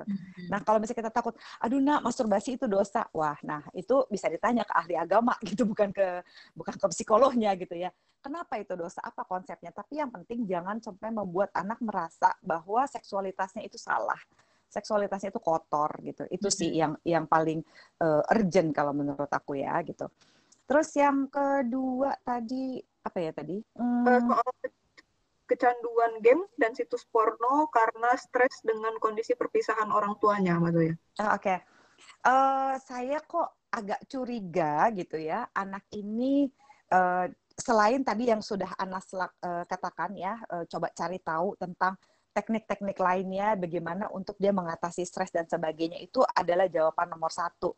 Kedua, biasanya anak-anak itu suka mencari pengalihan isu gitu, karena dia tidak sanggup mengatasi kondisi perpisahan yang sesungguhnya, atau karena dia merasa ah game ini menyenangkan sekali gitu. Dan saya bisa memanfaat eh, bukannya saya mau bilang anak-anak licik ya tapi anak-anak kadang-kadang males aja gitu loh untuk benar-benar coping dengan stresnya sendiri sehingga dia juga me- mengalihkan eh, itu juga ke orang tuanya. Sebenarnya gini anak-anak nggak usah lah yang ada problem stres dan sebagainya anak-anak itu suka banget ini loh eh, suka banget main games meskipun orang tuanya juga baik-baik aja gitu. Nah, ini adalah problem kita semua, internet, games dan sebagainya. Jadi tanya sama si anak, oke, apakah gitu ya, semua permasalahan yang kamu hadapi gitu ya ketika kamu mengalami stres kan dia bilangnya karena orang tuanya bercerai gini nih segala macam. Kok saya agak curiga gitu, ada beberapa anak yang suka memanfaatkan ini sebagai alasan karena orang tuaku lagi berantem. Kalau orang tuanya nggak berantem gimana? mungkinkah ini adalah caranya dia untuk cari perhatian aja nggak necessarily adalah caranya dia untuk melampiaskan stres karena ada beberapa anak yang juga suka tricky kayak begitu kalau bisa datang konseling bilangnya begini begitu tapi sebenarnya sebenarnya begini kalau orang tua kamu nggak cerai kamu akan main game apa enggak ya main juga sih tante. Nah gitu loh maksudnya. Kadang-kadang mereka memanfaatkan situasi itu. Jadi pertama cek dulu level stresnya seperti yang Anas bilang gitu ya. Make sure dia punya cara lain untuk mengatasi itu. Dan kedua tetap bagaimanapun juga harus ada waktu kualitas bersama. Nak karena kamu mungkin tidak akan memiliki keluarga yang utuh gitu kan ya. Artinya kita mesti banyak spending time sama-sama nak. Bukan spending time di situ gitu. So uh, this is a good time for you untuk release your stress. Of course, saya akan kasih waktu misalnya 4 jam satu hari untuk untuk ada layar termasuk TV, games dan sebagainya dan setelah itu saya mau punya waktu bersama dengan kamu because I love you ya karena saya sayang sama kamu dan saya mau punya waktu berkualitas sama kamu karena saya nggak mau nambah uh, stres yang kamu miliki. Nah, itu tuh oke okay banget gitu. Jadi anak juga nggak asal bilangnya kayak begitu mentang-mentang orang tuanya lagi bermasalah. Coba kalau nggak bermasalah, dia main juga nggak? Pasti dia main juga sih. Karena itu dopamin. Dopamin hmm. itu adalah quick gratification, membuat semua orang itu ingin lari dari kenyataan. Seperti yang Anas bilang tadi ya, Anas mungkin akan minum teh botol banyak-banyak. Kalau saya, saya cari es krim gitu ya. Kita semua punya pelarian. Nah, gimana pelarian-pelarian ini membuat kita tetap bisa masuk ke kenyataan dan menghadapinya itu lagi gitu. So pastikan aja si anak itu tidak evading gitu ya, tidak cari-cari alasan karena kondisi keluarganya seperti itu, lalu dia beralasan gitu. Itu aja sih yang penting gitu. Saya mau nambahin dikit, oh, boleh, Sandra. Jadi ya. kadang-kadang ya. kita ini fokusnya ke perilaku, tapi kita ya. suka lupa bahwa manusia ini adalah makhluk komunikasi sebenarnya. Kita makhluk yang bersosialisasi lewat komunikasi. Hmm. Jadi kalau anak-anak nada-nada suaranya udah banyak ngegas, high pitch, atau yang kayak senggol bacok mode, itu sebenarnya tanda alarm. Kenapa ya otak dia sampai iya. fight or flight terus? Dan kalau kitanya yang kayak gitu, berarti tadi kitanya dulu pakai masker oksigen. Bapak Ibu, saya sebagai psikolog anak nggak akan minta muluk-muluk. Saya pasti biasanya membantu Bapak Ibu untuk tahu cara self care diri. Mungkin itu dua bulan, tiga bulan awal baru deh kita kerjain anaknya, baru kita bantu anaknya. Karena kita kalau kita mau diving, kita nggak mungkin belajar ngajar ngajarin diving kitanya aja belum ahli. Kita mau ngajarin anaknya emosi kitanya belum tahu mengenali emosi kita sendiri. Jadi itu basic yang perlu kita bantu. Dan ketika bapak ibu membantu diri itu membantu diri dan anak. Sampai saya suka ditanya gini e, Bu Anas kalau uh, saya ada budget nih tapi terbatas. Mas saya mendingan ke psikolog dewasa buat saya atau ke psikolog anak? Saya bilang mending ibu ke psikolog dewasa. Begitu ibu tahu cara mengenal diri mengelola diri ibu tahu ngurusin anak. Nggak usah ketemu saya saya bilang kayak gitu ya. Itu bukan saya nggak butuh duit tapi emang itu beneran gitu ya bahwa ibu membantu diri itu sangat membantu parenting. Kadang-kadang kita karena kita ketemu anak ya, tiap hari kita tahu oh intuisinya begini, anaknya nih enaknya begini. Itu dapat kalau kita lagi ada fresh gitu ya. Nah, yang kedua itu adalah uh, kita ini suka lupa bahwa dalam komunikasi itu kan suka power struggle ya antara pasif hmm. atau agresif. Kita kan dulu 32 hmm. tahun Soeharto ya, jadi biasa nggak suka yeah. tembak gitu ya. Nah kita tuh suka lupa bahwa manusia tuh negosiasi. Jadi tadi uh, ibu sih nggak suka, tapi gimana ya caranya supaya kamu juga lebih enak itu loh. Jadi negosiasi ini kita suka lupa bareng anak. Sukanya langsung naik angka 10. Pokoknya kalau kamu gini, ini ini gini. Waduh, udah dosa banget. Nah, kita perlu latihan jangan-jangan mungkin nanti butuh sesi khusus nih tentang komunikasi ke anak supaya kita nggak iya. ngegas terus ya. Gitu, Dok Sandra. Oke, okay, thank you Mbak Zoya, Mbak Ana. Kita uh, beralih ke pertanyaan berikutnya. Ini ada dua pertanyaan yang saya rangkum karena uh, kurang lebih uh, temanya sama ya. Ini tentang batasan batasan-batasan. Ini yang pertama ditanyakan oleh uh, Bapak Tunggal. Saya single dad uh, dengan satu orang putri empat tahun jalan lima tahun saya dengan anak suka memandikan, kadang mandi bareng, saya pakai celana pendek tidur bareng, cebokin, kecup bibir ketika saya goodbye ke sekolah. Ngobrol dengan tetangga, katanya sebaiknya semua itu jangan dilakukan lagi. Sudah dua bulan ini saya berhenti mandiin, cebokin, dan kecup bibir. Tapi masih tidur bareng. Kadang anak juga tetap mau mandi dan cebokinnya sama saya, tapi saya tolak dengan alasan perbedaan gender. Apakah langkah saya sudah benar? Itu pertanyaan yang uh, pertama ya, Mbak Zoya, Mbak Anas. Lalu hmm. ini kurang lebih sama tentang eh, batasan-batasan uh, dari ibu tunggal. Saya dengan ibu dengan anak laki-laki usia tujuh tahun. Kapan batas ibu dan anak boleh tidur bersama? Karena kondisi ekonomi sekarang kami harus tinggal di kos, tidak memungkinkan pisah kamar. Kalau untuk mandi, dia sudah terbiasa mandi dan cebok sendiri dari TK. Bagaimana tanggapannya Mbak? Ya, Mbak Zoya dulu mungkin. Oke. Okay. Uh, kalau untuk yang ayah tunggal, saya sih tetap menyarankan kalau bisa anaknya memang lebih mandiri gitu ya.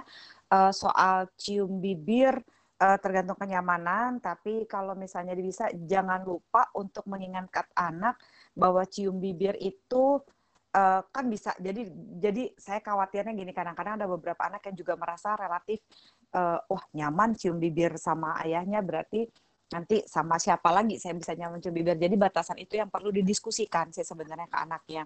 Dan kalau soal cebok dan sebagainya, umur berapa tadi anaknya? Empat tahun. Empat tahun. Uh, soal empat tahun dia sudah sebaiknya harus bisa cebok sendiri gitu ya. Uh, karena kalau dia bisa di sekolah nanti kalau misalnya di ketika buang air atau ada apa pun itu atau dia sedang nggak uh, tahu mungkin trip ya dan sebagainya itu akan sangat-sangat lebih baik buat si anak itu untuk benar-benar bisa. Jadi bukan sebenarnya karena perbedaan gender.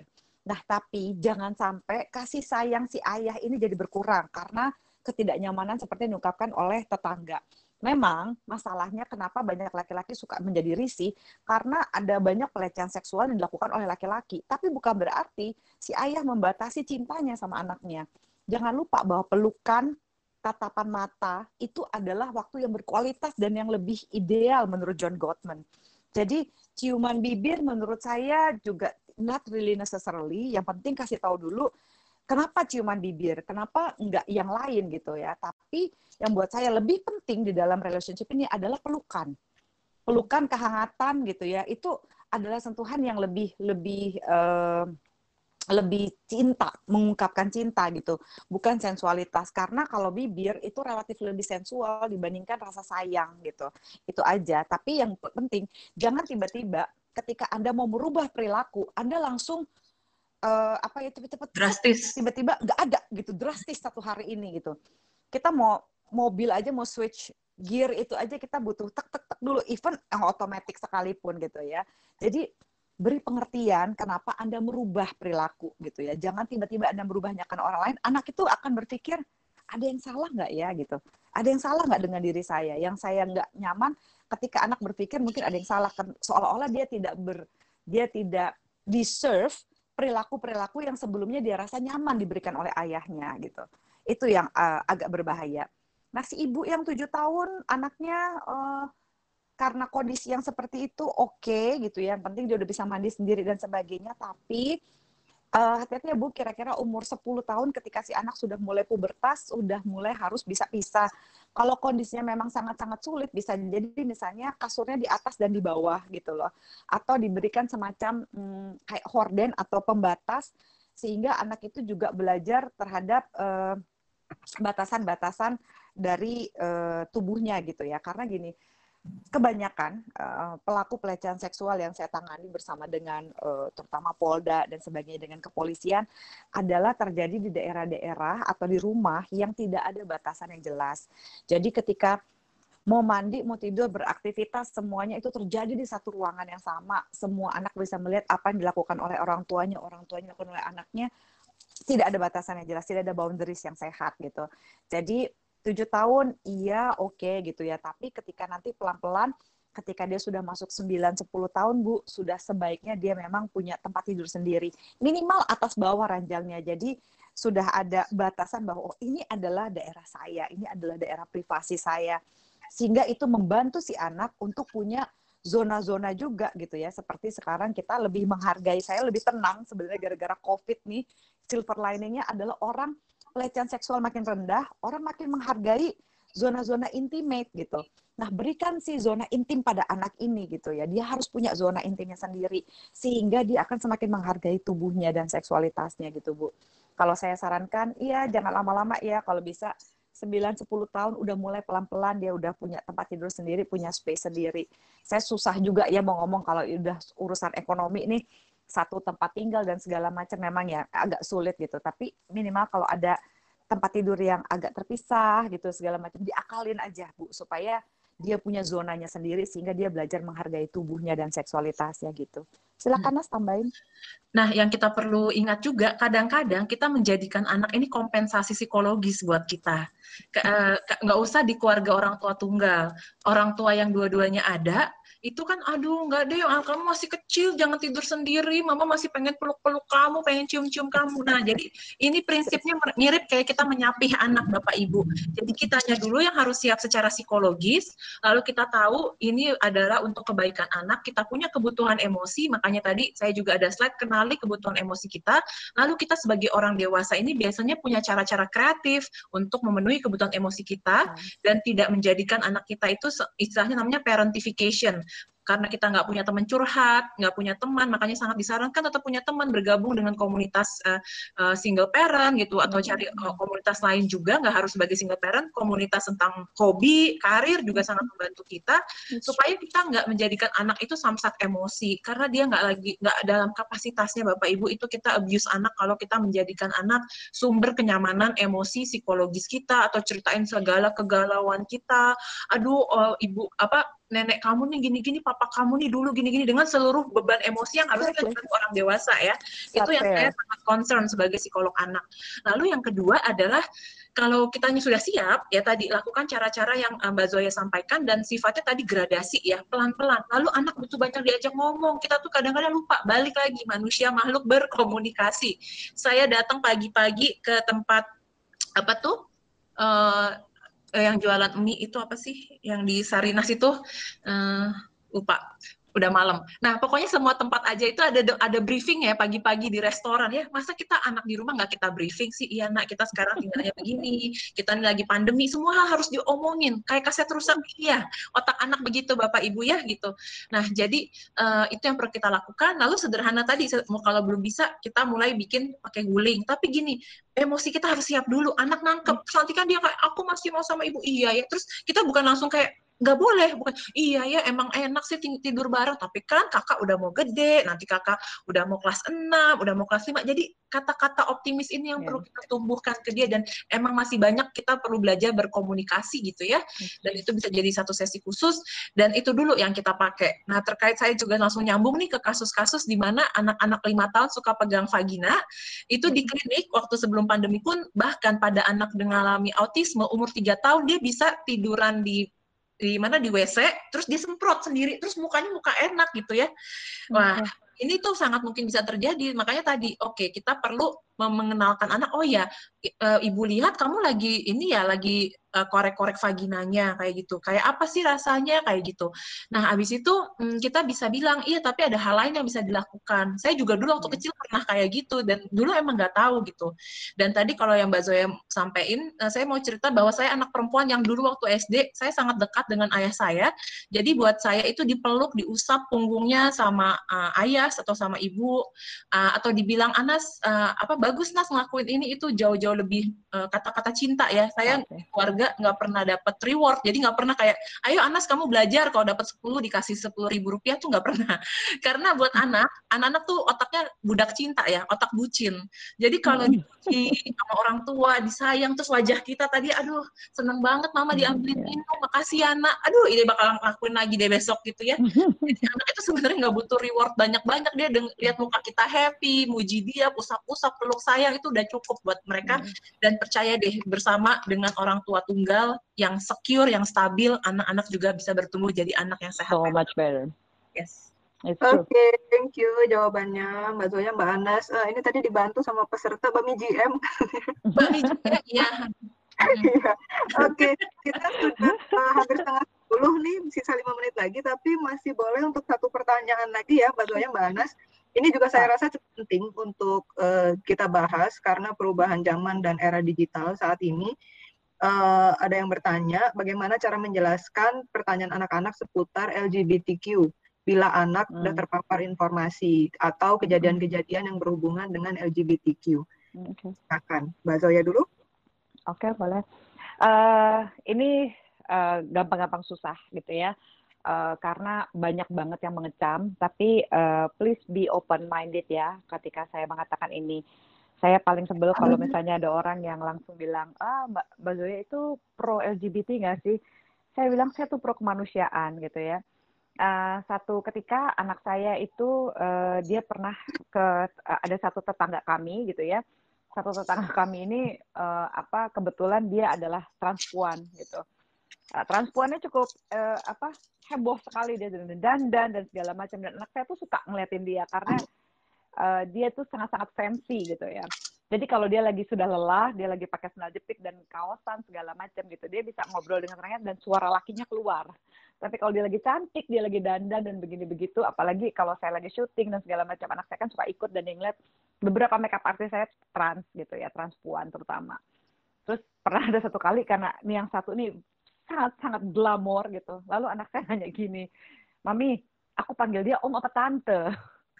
saya, aduh, bingung juga ya, saya bilang gitu akhirnya saya bilang gini ayo saya ajak anak saya ketemu sama orang itu gitu dan saya bilang ini anak gue nanya mendingan kamu dipanggil om apa tante I don't know what to say to her. Kamu lebih nyaman dipanggil apa gitu ya. Terus tadinya anak saya bilang, aduh mami gak usah lah ngapain sih mami sampai begitu banget.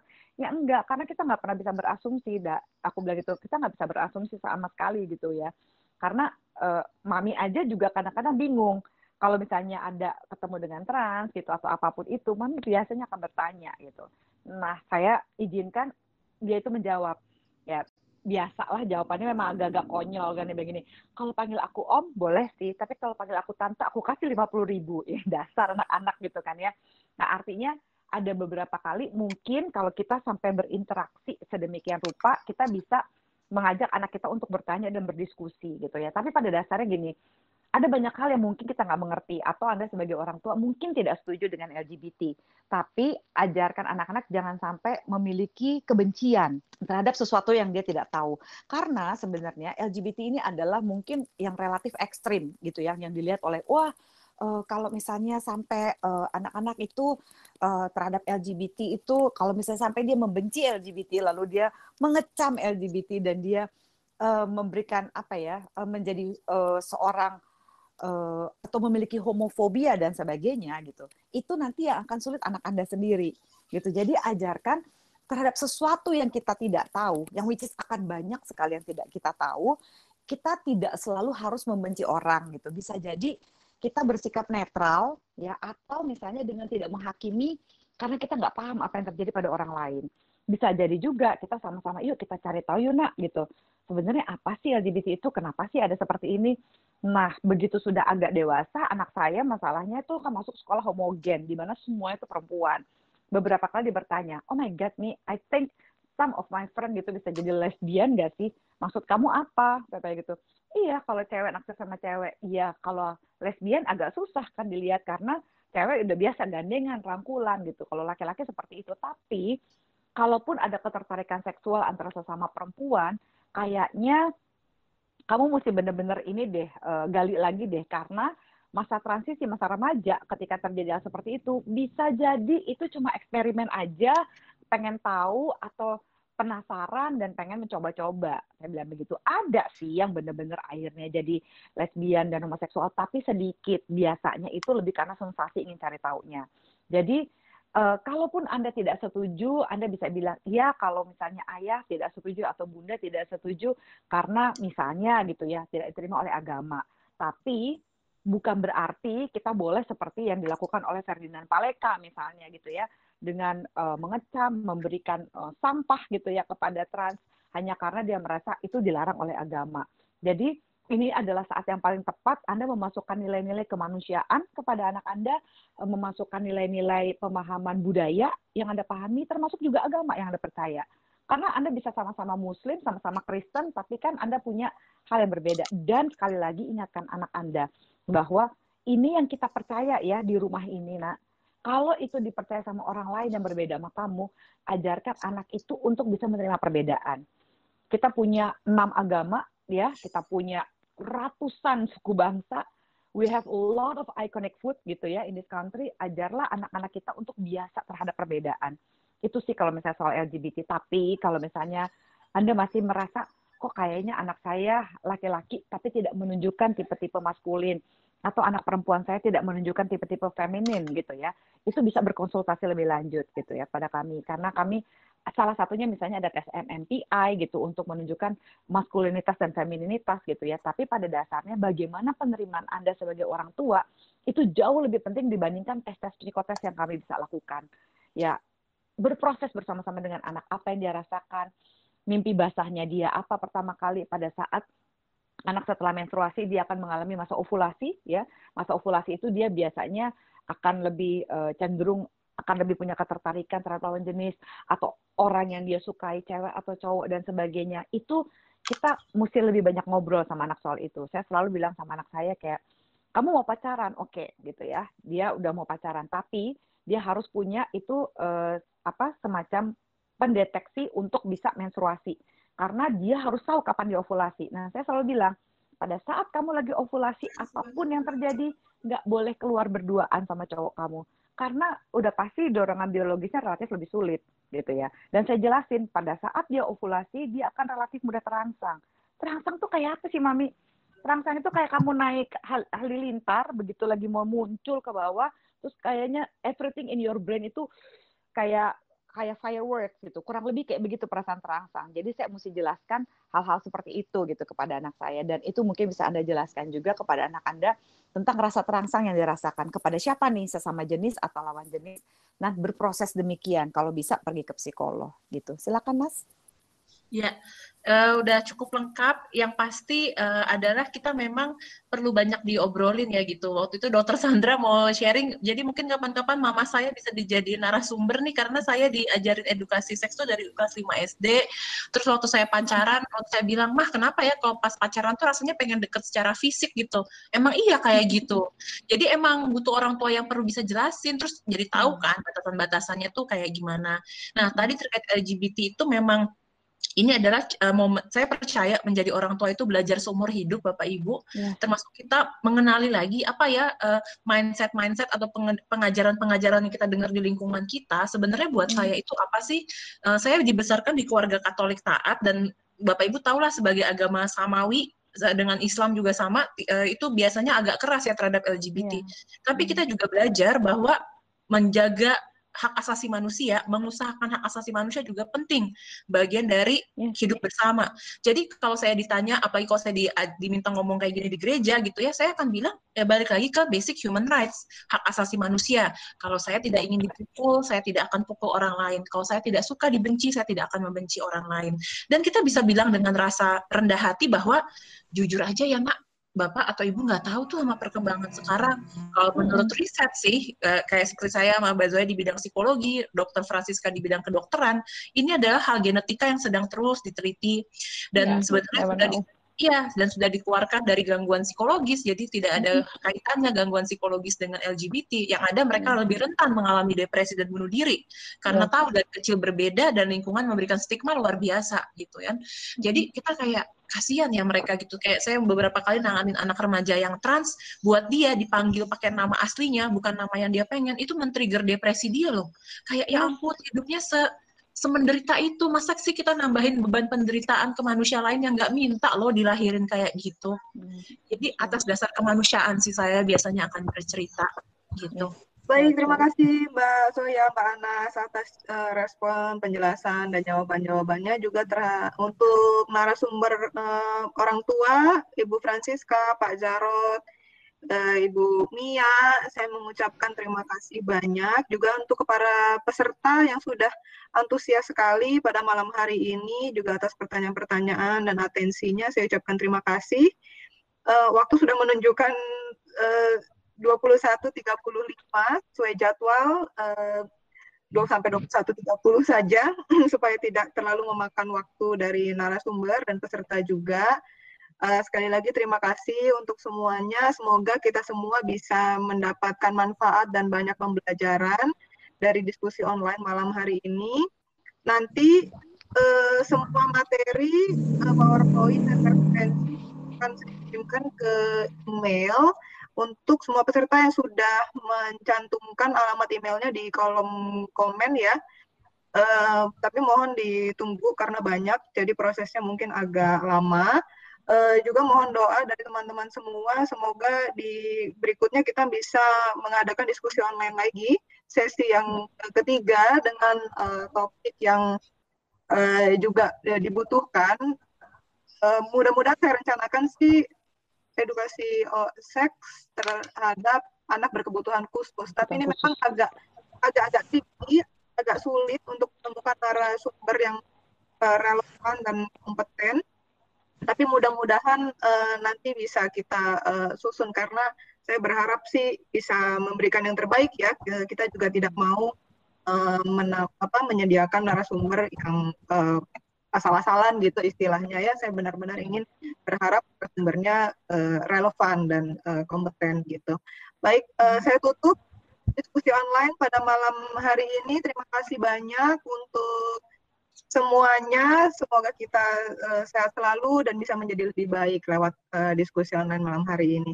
Terima kasih. Selamat malam. Selamat malam. Selamat malam. Thank you semuanya. Malam.